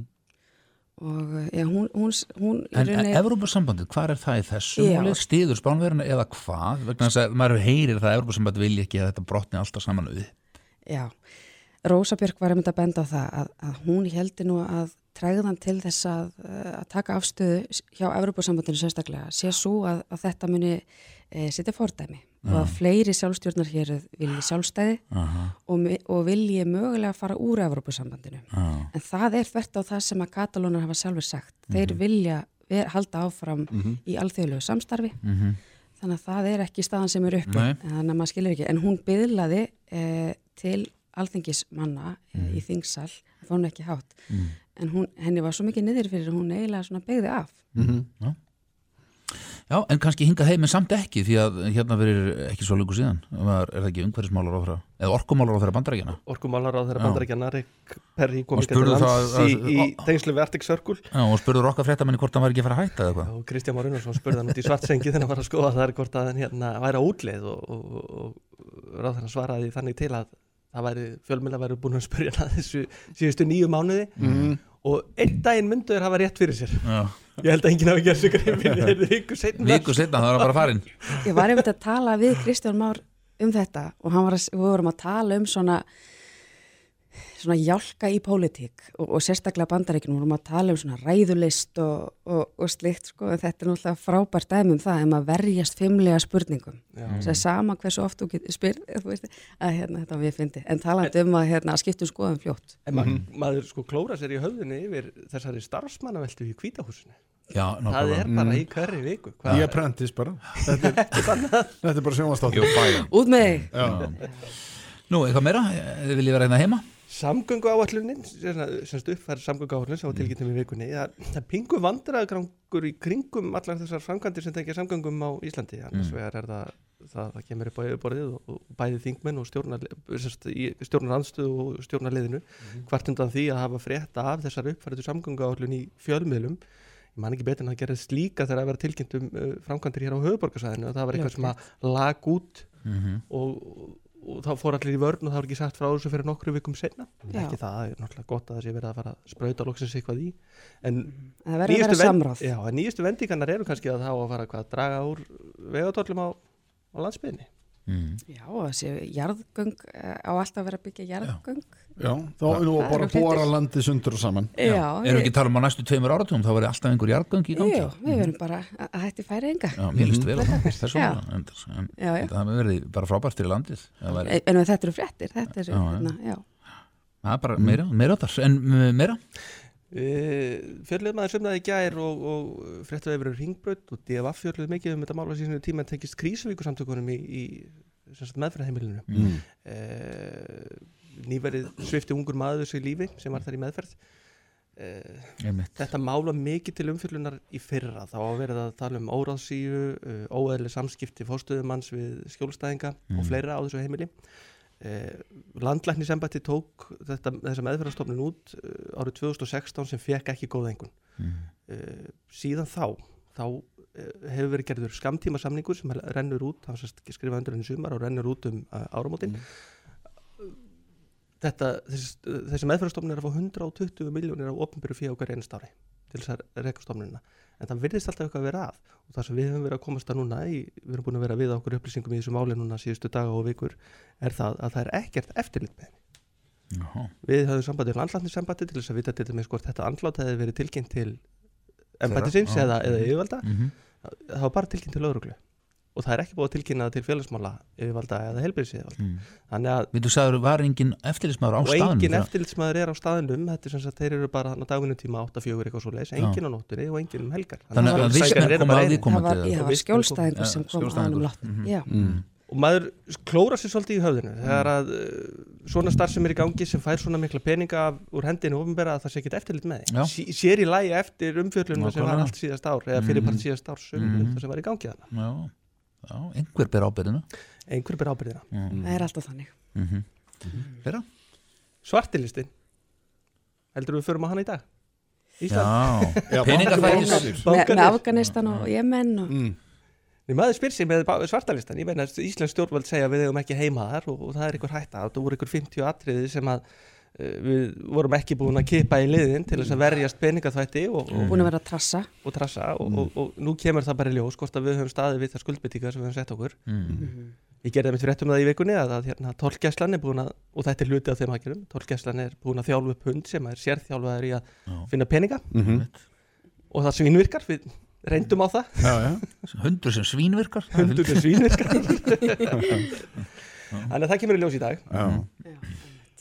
Nú, e, svo er það, já, ég er hlut af fréttum vikunar, það er fórsíðu frétt, fréttablasins í morgun. E, íslenskar þingkonur hafa orðið fyrir, já, kynferðislegu og alls konar ofbeldi. akkurat 80% þeirra Mm. samkvæmt þessari ný, nýju rannsókn 33 konur sem hafa voru spurðar. Já, þetta er þessari niðurstöður rannsóknar sem koma fram í nýri bók hjá doktor Hauki Arþósinni sem kemur út í dag Mm -hmm.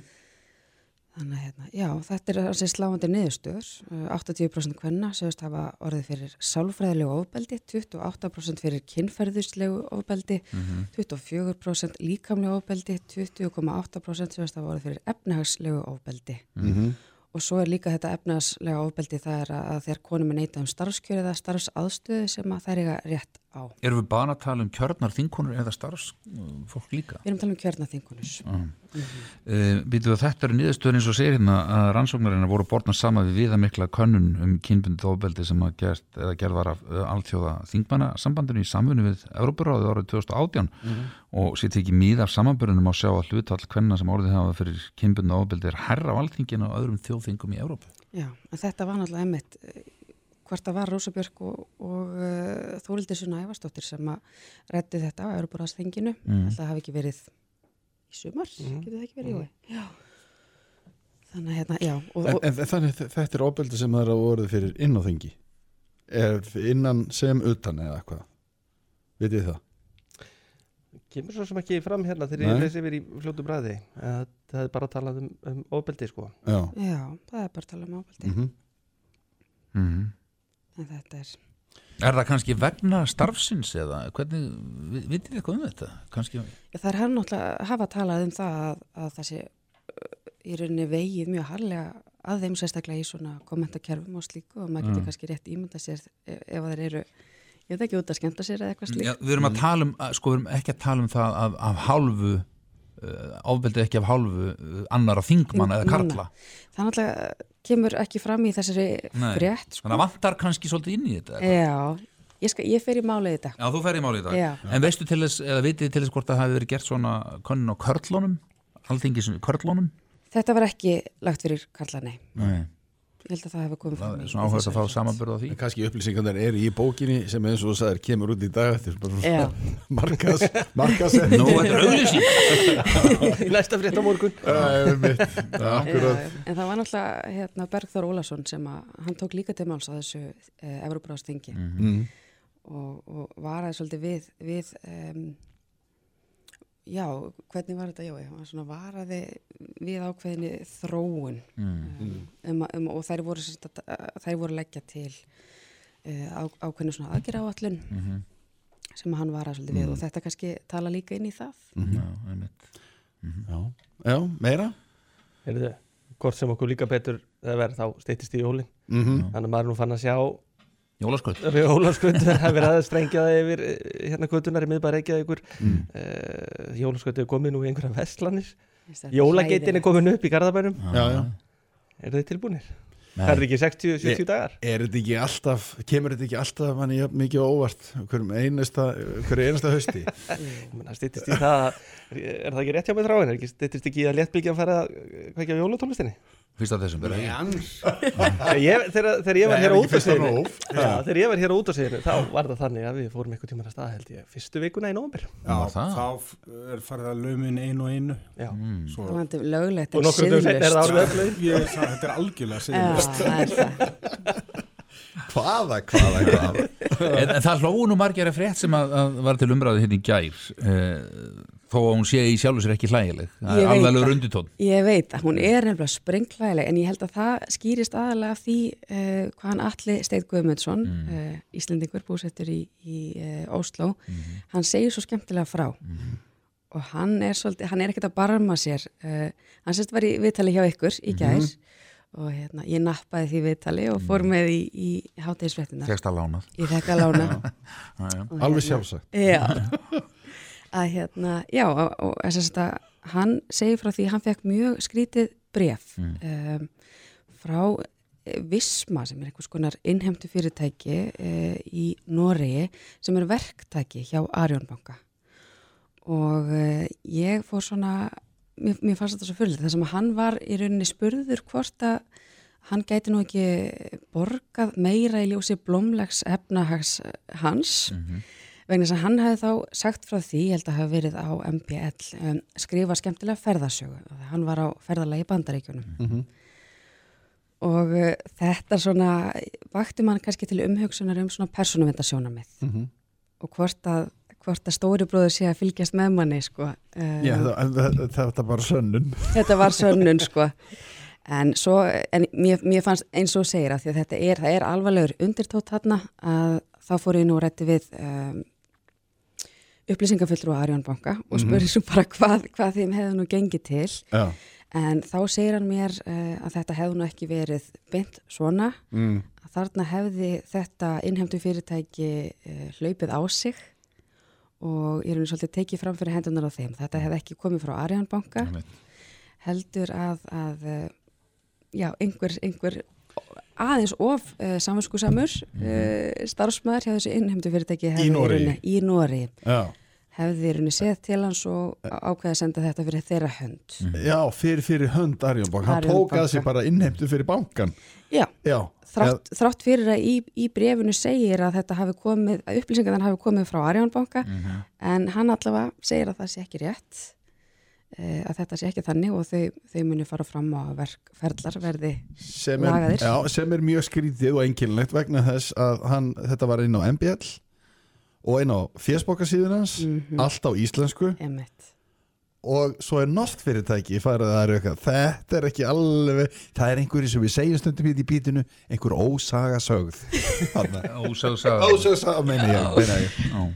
Ég mun að þetta er furðulegt, það Mm. er bara ver, það hérna, verður að segjast, þetta er mjög furðulegt og þetta er svona þróun sem maður vill ekki Nei. sjá og það er líka sko vegna þess að ég reddi hafa nú alþjóðlegur dagur gegn fátækt ég er ekki að segja þessi maður sé fátækur Mm. en það er, virðist vera sko ástæði sem ég reddi við sem er hjá PEP samtökunum Mhm. var að segja þegar það er skuld og eitthvað slíkt að þá fylgir því svo mikil skömm Já. og hún sagði að í öndvegi, alltaf í allir svona baráttu verða að nálgast þessi málefni með mannlegri rist og það er ekki mikið ristni við þessu Mhm. Er það komið þá? Já, svona svona gott sem, það Já. er alltaf eitthvað að frétta. Já, já, mitt nákvæmlega, því haldið náttúrulega áfram í fréttamennskunni Já, Jói, Jói er alltaf á vaktinni hann, hann er alltaf, hann er duglegasti fréttamælans er, Líka þegar hann er ekki á vaktinni, þá er hann á vaktinni. Já, hann, kem, hann, hann var til dæmis mætti í gær, hann, hann átti ekki að vera á vakt. Og við var spyrum bara. Jói, hvað hva er þetta að gera hérna? Já, Elías Búi vildi koma Sagði það ekki? Elias Búi vildi koma, hann var Við erum alltaf að segja, En- Eva, þú ert algjör hetja og við, við þökkum þér. Fyrir það bæði tvö. Margrét Helga Ellingsdóttir og Jóhann K. Jóhansson eh, Takk hjálpa fyrir komin og góða helgi. Takk fyrir okkur Hlustaðu hvena sem er á í bítið hlaðvarp. Já, það er spurning hver ég þarf að fara aðeins í síman og, og senda bílinn heim konan þarf að komast í vinnuna Já, getur ekki sendur út í búð fyrir Já, því? jú, öruglega, e, líka þetta er sjálfkerandi bíl Já, og, sjálfkaupandi bara. sem ég kom á í, hérna, í vinnuna í morgun og, og sendi svo bara heim núna Já, svoleiðis, já. Þetta- Eru þeir komnir hingað? E, Nei, þetta er ekki alveg, þetta er svona framtíðin maður held þetta er sko væri svona kannski áratugir í þetta Mm. En einhvern veginn hefur mér á tilfinningun að þetta er bara handa við hodni Já, en þeir eru ekki komnir hingað. Nei, Nei, ekki strax. Ekki, ekki ennþá En það eru hálfkerandi Já, hálfsjálfkerandi bílar Já, til. Já, og uh, það var samþykkt í, í borgarstjórni gæra Já. var aðtuga með uh, skiltin Já, sem að uh, já, sjálfkerandi bílar munu lesa. Já, til þess að rata. Já, maður bara veit ekki hvernig þetta endar allt saman, það verður allt einhvern veginn sjálfgerandi. Mm. mm. jafnvel þannig að þegar maður ringir í FIB það er bara þú bara að tala við tölfur en það er allavega ekki svona núna. Þess vegna er að Björn Kristjánsson komin hérna tæknir ágjöfu við FIB, velkomin Já, sælir eh, Sjálfkerandi bílar. Þetta er svona, já, já, þetta er í framtíðin einhvern tímann. En Já, er, við- er þetta er, er stittri í þetta eins og ég sagði þann en okkur grunar það? Við raunverulega erum í Mm. tækni, þetta er komið við, það er ákveðið regluverk og sem er kannski að stoppað af að, að þetta sé í fullri nótkun erlendis Mhm. og menn eru að hérna, eru svolítið smekið við það hverjir verða ábyrgi fyrir ef að kemur eitthvað Mm. upp á Já, ef, ef að sjálfkerandi bíl lendir í áreikstri Já, það er akkurat Já. það, hver er ábyrgur fyrir slísinu Já. Mhm. En uh, framleiðendur eru að keppast um það að, að, að, að framleiða hinn fullkomna sjálfagandi bíl sem Mhm. þarf ekki nokkru leiti aukumæður að koma nálægt uh, akstrinum og, hérna, og þeir eru konum mjög langt í því eins og segja og, og prófanir eru í gangi og það er verið að gera ymsar aðtónir bíla til að keira allan daginn allan nóttina og er að sapna öllum gögnunum í eina stóra góða súpu Mm. til þess að geta unnið úr því já. Hvernig á bregðast við ólíklegust aðstæðum. Er það margir bílar sem þeir nota í þetta? Já, já, það eru, það eru hundruð bílar út um allan heim í, í akstri í öllum löndum, mörgum löndum og, Breyturnar geta nú, sko, menn er að tala um það að jafnvel það verði fyrr sem flugvélar jafnvel farþegaflugvélar verði alveg sjálfkerandi, skipin eru nú þegar sem hver orðin sjálf uh, siglandi, að þar er, þar er það auðveldar vegna þess að breyturnar sem geta komið upp í, í akstri eru sko óteljandi. Það er umverulega þannig. Það er, við erum alltaf að upplifa eitthvað nýtt á hverjum degi og, og, og það er kannski svo líka spurningin er þetta að kenna common sense Mhm. þannig að hvernig átt að bregðast við aðstæðum sem, þú, sem eru ekki kendar Mhm. almennt á öðrum stöðum eins og, eins og þeir voru, voru að sína dæmum það sem að það var kona á, á rámasjólastóla að elda endur út á götu Mhm. Og hvernig á bílinn að bregðast við þessum aðstæðum hvað Já, er að já. gerast þarna Mhm. þannig að, hérna, að, að það er eins og ég segja að það er verið að reyna akkurat að kenna bílum þetta En er, það, er það spurning um hvort það tækist, er það ekki bara spurning um hvenar það tekst? já já, það er bara spurning hvenær það tekst það er allir sammála um Ertu sammála líka því sem sumir hafa sagt að eftir 50, 60, 70 ár er lítið tilbaka hvað, var fólki leitt að keira sjálfu? Já. Treystu við virkilega Já, það, mannfólkinu? það, er, það, þetta er faktorinn sem við erum að fara að eyða út það er þessi mannlegi faktor Mm. og, og við erum að, að hérna, og það er verið að tala um það að, að slís, allt upp í 90% slísa Mm. verða til vegna mannlegs þáttar Mm. í umferðinni Mhm. og það er heldur ekki sko og, og, svo, og svo líka horfa á allan hins spartnaðin sem við fáum út af því að vera með sjálfvakandi bíl eins og við erum, bílum verður alltaf að nýta eldsnillis besta umferðin gengur betur fyrir sig tala allir saman allir hafa möguleika á samgöngum mm -hmm. hvort séu föllun eða aldur eða hvernig sem það er Mhm. og þannig að þetta verður þetta er umverulega hagur allra ef við fáum sjálfvakandi bíla hérna á kvötuna Já, en, en þú ert að tala um þá sjálfvækandi bíla þar sem að uh, við sitjum við stýrið Mhm. og grípum inn í ef að bí, og bílinn óskar eftir því. E eða erum við að tala um eins og ég sagði hérna þann, ég get bara, ég mæti vinnuna og íti svo bara á, á heimtakkan og hann bara, hörðin lokast og hann hekur af stað sjálfur og uh, aftur heim Já, þannig það- að næsti geti hérna, notað hann eða? Já, það er sko, það er kannski aðeins uh, ágætt að horfa á það sko í hvaða flokkum sjálfvakandi bílar eru. Og þeir eru flokkar í svona fimm þrep. Mm. og í svona fyrsta þrepinu er þessi grunn bíl þar sem að þú ert með uh, hann hérna, bregst við ákveðnu áriti, það er hann bre- bremsar sjálfkrafa fyrir Mhm, með mhm. neyðarhemlun og hann getur hérna, stýrt svona Hann sveigir frá. svegi frá Teslan gerir þetta öllum Já, og og, og, hérna, og akkurat og hann skinja línur og, og Mhm. hjálpa þér að halda þér innan Mhm. og þannig erum við í fyrsta þrepi svo í næsta þrepi er hún farin að hérna, er hann komið svona skinnvætt eh, hérna, sjálfstýringu eða cruise control Mhm. mm. og, hérna, og þar eldir hann næsta bíl og hann bremsar fyrir þig og, og sér um allan þann pakka en aukumæður þarf alltaf að vera með hendur og stýri Mhm. Og svo dettum við í, í þriðja þrepið og, og þá er þetta orðið hérna, ennþá tæknuvættur og hann getur farið svona að keira fyrir þig svona grunnleiðir og, og, hérna, og orðin, orðin mun hæfar í það að, hérna, að leysa verkefnin Mhm.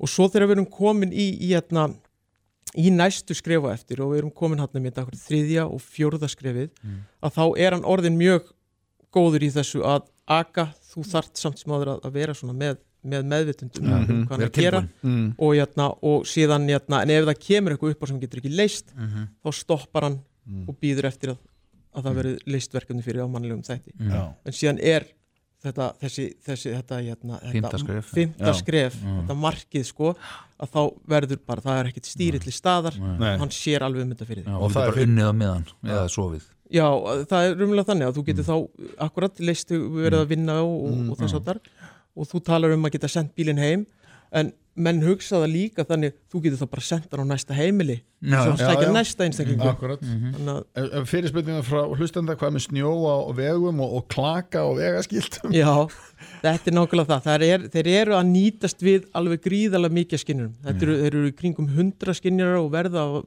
í framtíðinu upp til 200 skinnjara í einum bíl Mm. og hann er að nýtast bæði við laser og hann er að nýtast við radar og, og hljóðbylgjur og, og, jæna, og, og þetta GPS-tekna og þetta sem ég sagði áðan með að sapna gögnum í þennan pott Mhm. að hann er að taka, það hefur verið að taka upplýsingar frá öllum bílum Mm. þannig að, að það er búið að aka þessa leið kannski að sumri til Mhm. og hann grýpur þá þær upplýsingar ef það vantar Já. Já, já, sko. Þannig að þeir eru að keira í öllum aðstæðum snjó og, og, og krapi og klaka og svo Já, það er akkurat það og það er verið að reyna að jæna, akkurat að ná Já, Já, En verða þá ekki þessi nýju umferðarskildi bara hita? Ég ætla að mynda að segja Já, Já, Já. en það er spurning sko eða það meina kannski verið að bara það er vita bara nú þegar hvar umskrifskildin eru og það þarf ekkit að vera að, Nei, nei, að lesa þau. bílinn veit nákvæmlega hvað hann er. Já. Já. En í sambandi við þessa breytur sem að eru náttúrulega mesta áskorunin eins og vorum að tala um hérna áðan Sk- spurningin, það hlýtur að vera að menn fari þá í, í það sérstaklega inn í borgum og ég spyr bara, yrði ekki gera það? Er að við gætum reynda að fækka þessum breytum eins mikið og mögulegt er þar að segja, þar sem umferðin er mest og kannski næst mest og þriða mest að þar verði bara ekki gangandi vegfærendur og ef einhver ætlar að ganga þá leið þá fer hann undir veg. Bara hann kemur ekkit nála verðum við ekki að hugsa þetta svolítið þannig líka? Já, til þess að hjálpa þessum aukutækjum jú vissulega en, en hún er samt að verða það góð tæknin Mm. og hún er, hún, hún veit af þér hún veit að því hvort þú ert á en ef þú sér þig ekki, það er myrkur Já, og, er, og, og ég er í dökkum uh, fötum Já. svo allt í hennu bara hoppa ég út á veginn. Mm hún, er með, hún er líka með þessar lasermælingar. Hún er með, með því að sér í myrkri? Já, hún sér í myrkri. Og hún sér töluvert meira heldur en þú og ég sjáum sko við akstur. Hún er að taka hundruði faktora inn í í hver, hverju sekundu sko. Já, uh, ég, hérna, ég heyrði af uh, þessum hérna, Mercedes-Benz jeplingi rafmagsbíl að hann skinjar sko ef að það er annar bíl um það bíl að fara að aka á þig. Mm -hmm. og þá herðir hann á, á bílbeltunum og réttir við sætið. Já það er bara svo þannig að við erum alveg komið þangað. Já, já, já, algjörlega. Og það er fjö, fjölmarki bíla konur á götuna sem að þú getur svona bara slakað á og leift honum að aka. Mm. en, en svo kemur akkurat á þessu vegmerkingar á Íslandi. Já, að, að ég var að aka einum bíl núna austu fyrir fjall og, og var að prófa svona sjálfstýri búnað. Svo bara allt í henni heyrist píp í mælaborði og þá týnda línunum og ég var á leiðinu út af. Þannig að það er að, ve- sko, þetta er auðvitað krúsalt atriði að þessir þætti séu í lægi eins og ef var verið að- að koma með tilurum og, og, hérna, en þegar þú segir hundruði, það eru ekki hundruði skinjara já, já. sem eru hvað myndavilar kannski í raun eða hvað? Já, við erum með myndavél, við erum með, við erum með radar og við erum með hérna, og við erum með hátíðni sko skinjara og við erum með hérna, og GPS þetta já. og þeir eru allir að dansa saman með sikkvort hérna, hlutverk. Já. og og eitthvað ekki sko, verðið á bílunum? Þetta verður rándýrt. sko verðið, verðið auðvitað það verður er hærra. Og hérna, en samt sem áður að, að þetta er sko að tjónatíðinin Mm. hún lækkar umtalsvert. Og það er alveg sannað að eftir því sem að bílinn er betur búin til að bregðast við óvæntum aðstæðum og lækka tjónatíðinin Já. og, og þar að leiðandi hérna, ættu við að vera betur í stakk búin við að hérna, og, og ættu að vera tilbúin að greiða fyrir þetta. Við kannski lostum við að borga tryggingar á bílunum eða? við, við ættum minnst að fá kosti tryggingar. ríki geti niðurgrætt það kannski ef þetta eru rafmagnsbílar og, valdi ekki tjóni. Já, já, minna það er allra hagur að, að jötna, minga mm. árið tjónin sko. Og svo er það jötna, og svo er þetta, er krafan líka í, í áreistraprónum Mm. að, að hún er orðin það mikil að þú ert ekki að fara að fá fimm stjórnu áreistraprónum nema, nema að allir búnaðist þetta staðar. Bara rétt áður hvað ég eh, rafmagsbílum fjöl, fjölgar á, á landinu Mhm. en, en einhverju sem hafa ágjör af því að hleðslu stöðum fjölgar ekki að sama skapi Nei. Hva, er, hvað segir þið hjá FB? Já, ég minna þetta eru þetta ákveði vandamál sem að við höfum eftir að standa fram með fyrir. Og Mhm. það er sérstaklega þá hvernig á að bregðast við í, í fjölbílsúsum og, og annars Já. staðar. En það er verið að reyna að vinna í þessu og, og þeir, og þeir allir fara í sumafrí í júli á rafbílum sinum og koma við í staðaskála til að hlaða. Já, já. það verður fjör. Það er fjör. Og hvað er ekki ein hlustustöðar eða tvær? Jó, þetta er, um mitt, það er pressa á mönnum að, að setja upp lestustöðar og, og hérna, verður áhugavert að horfa á þetta í framtíðinni. Mjög áhugavert Björn Kristjánsson teknir ráðgjafi, ráðgjafi hjá FIB takk kjærlega fyrir komuna Þú ert að hlusta á í bítið, hlaðvarp, brot af því besta úr vikunni.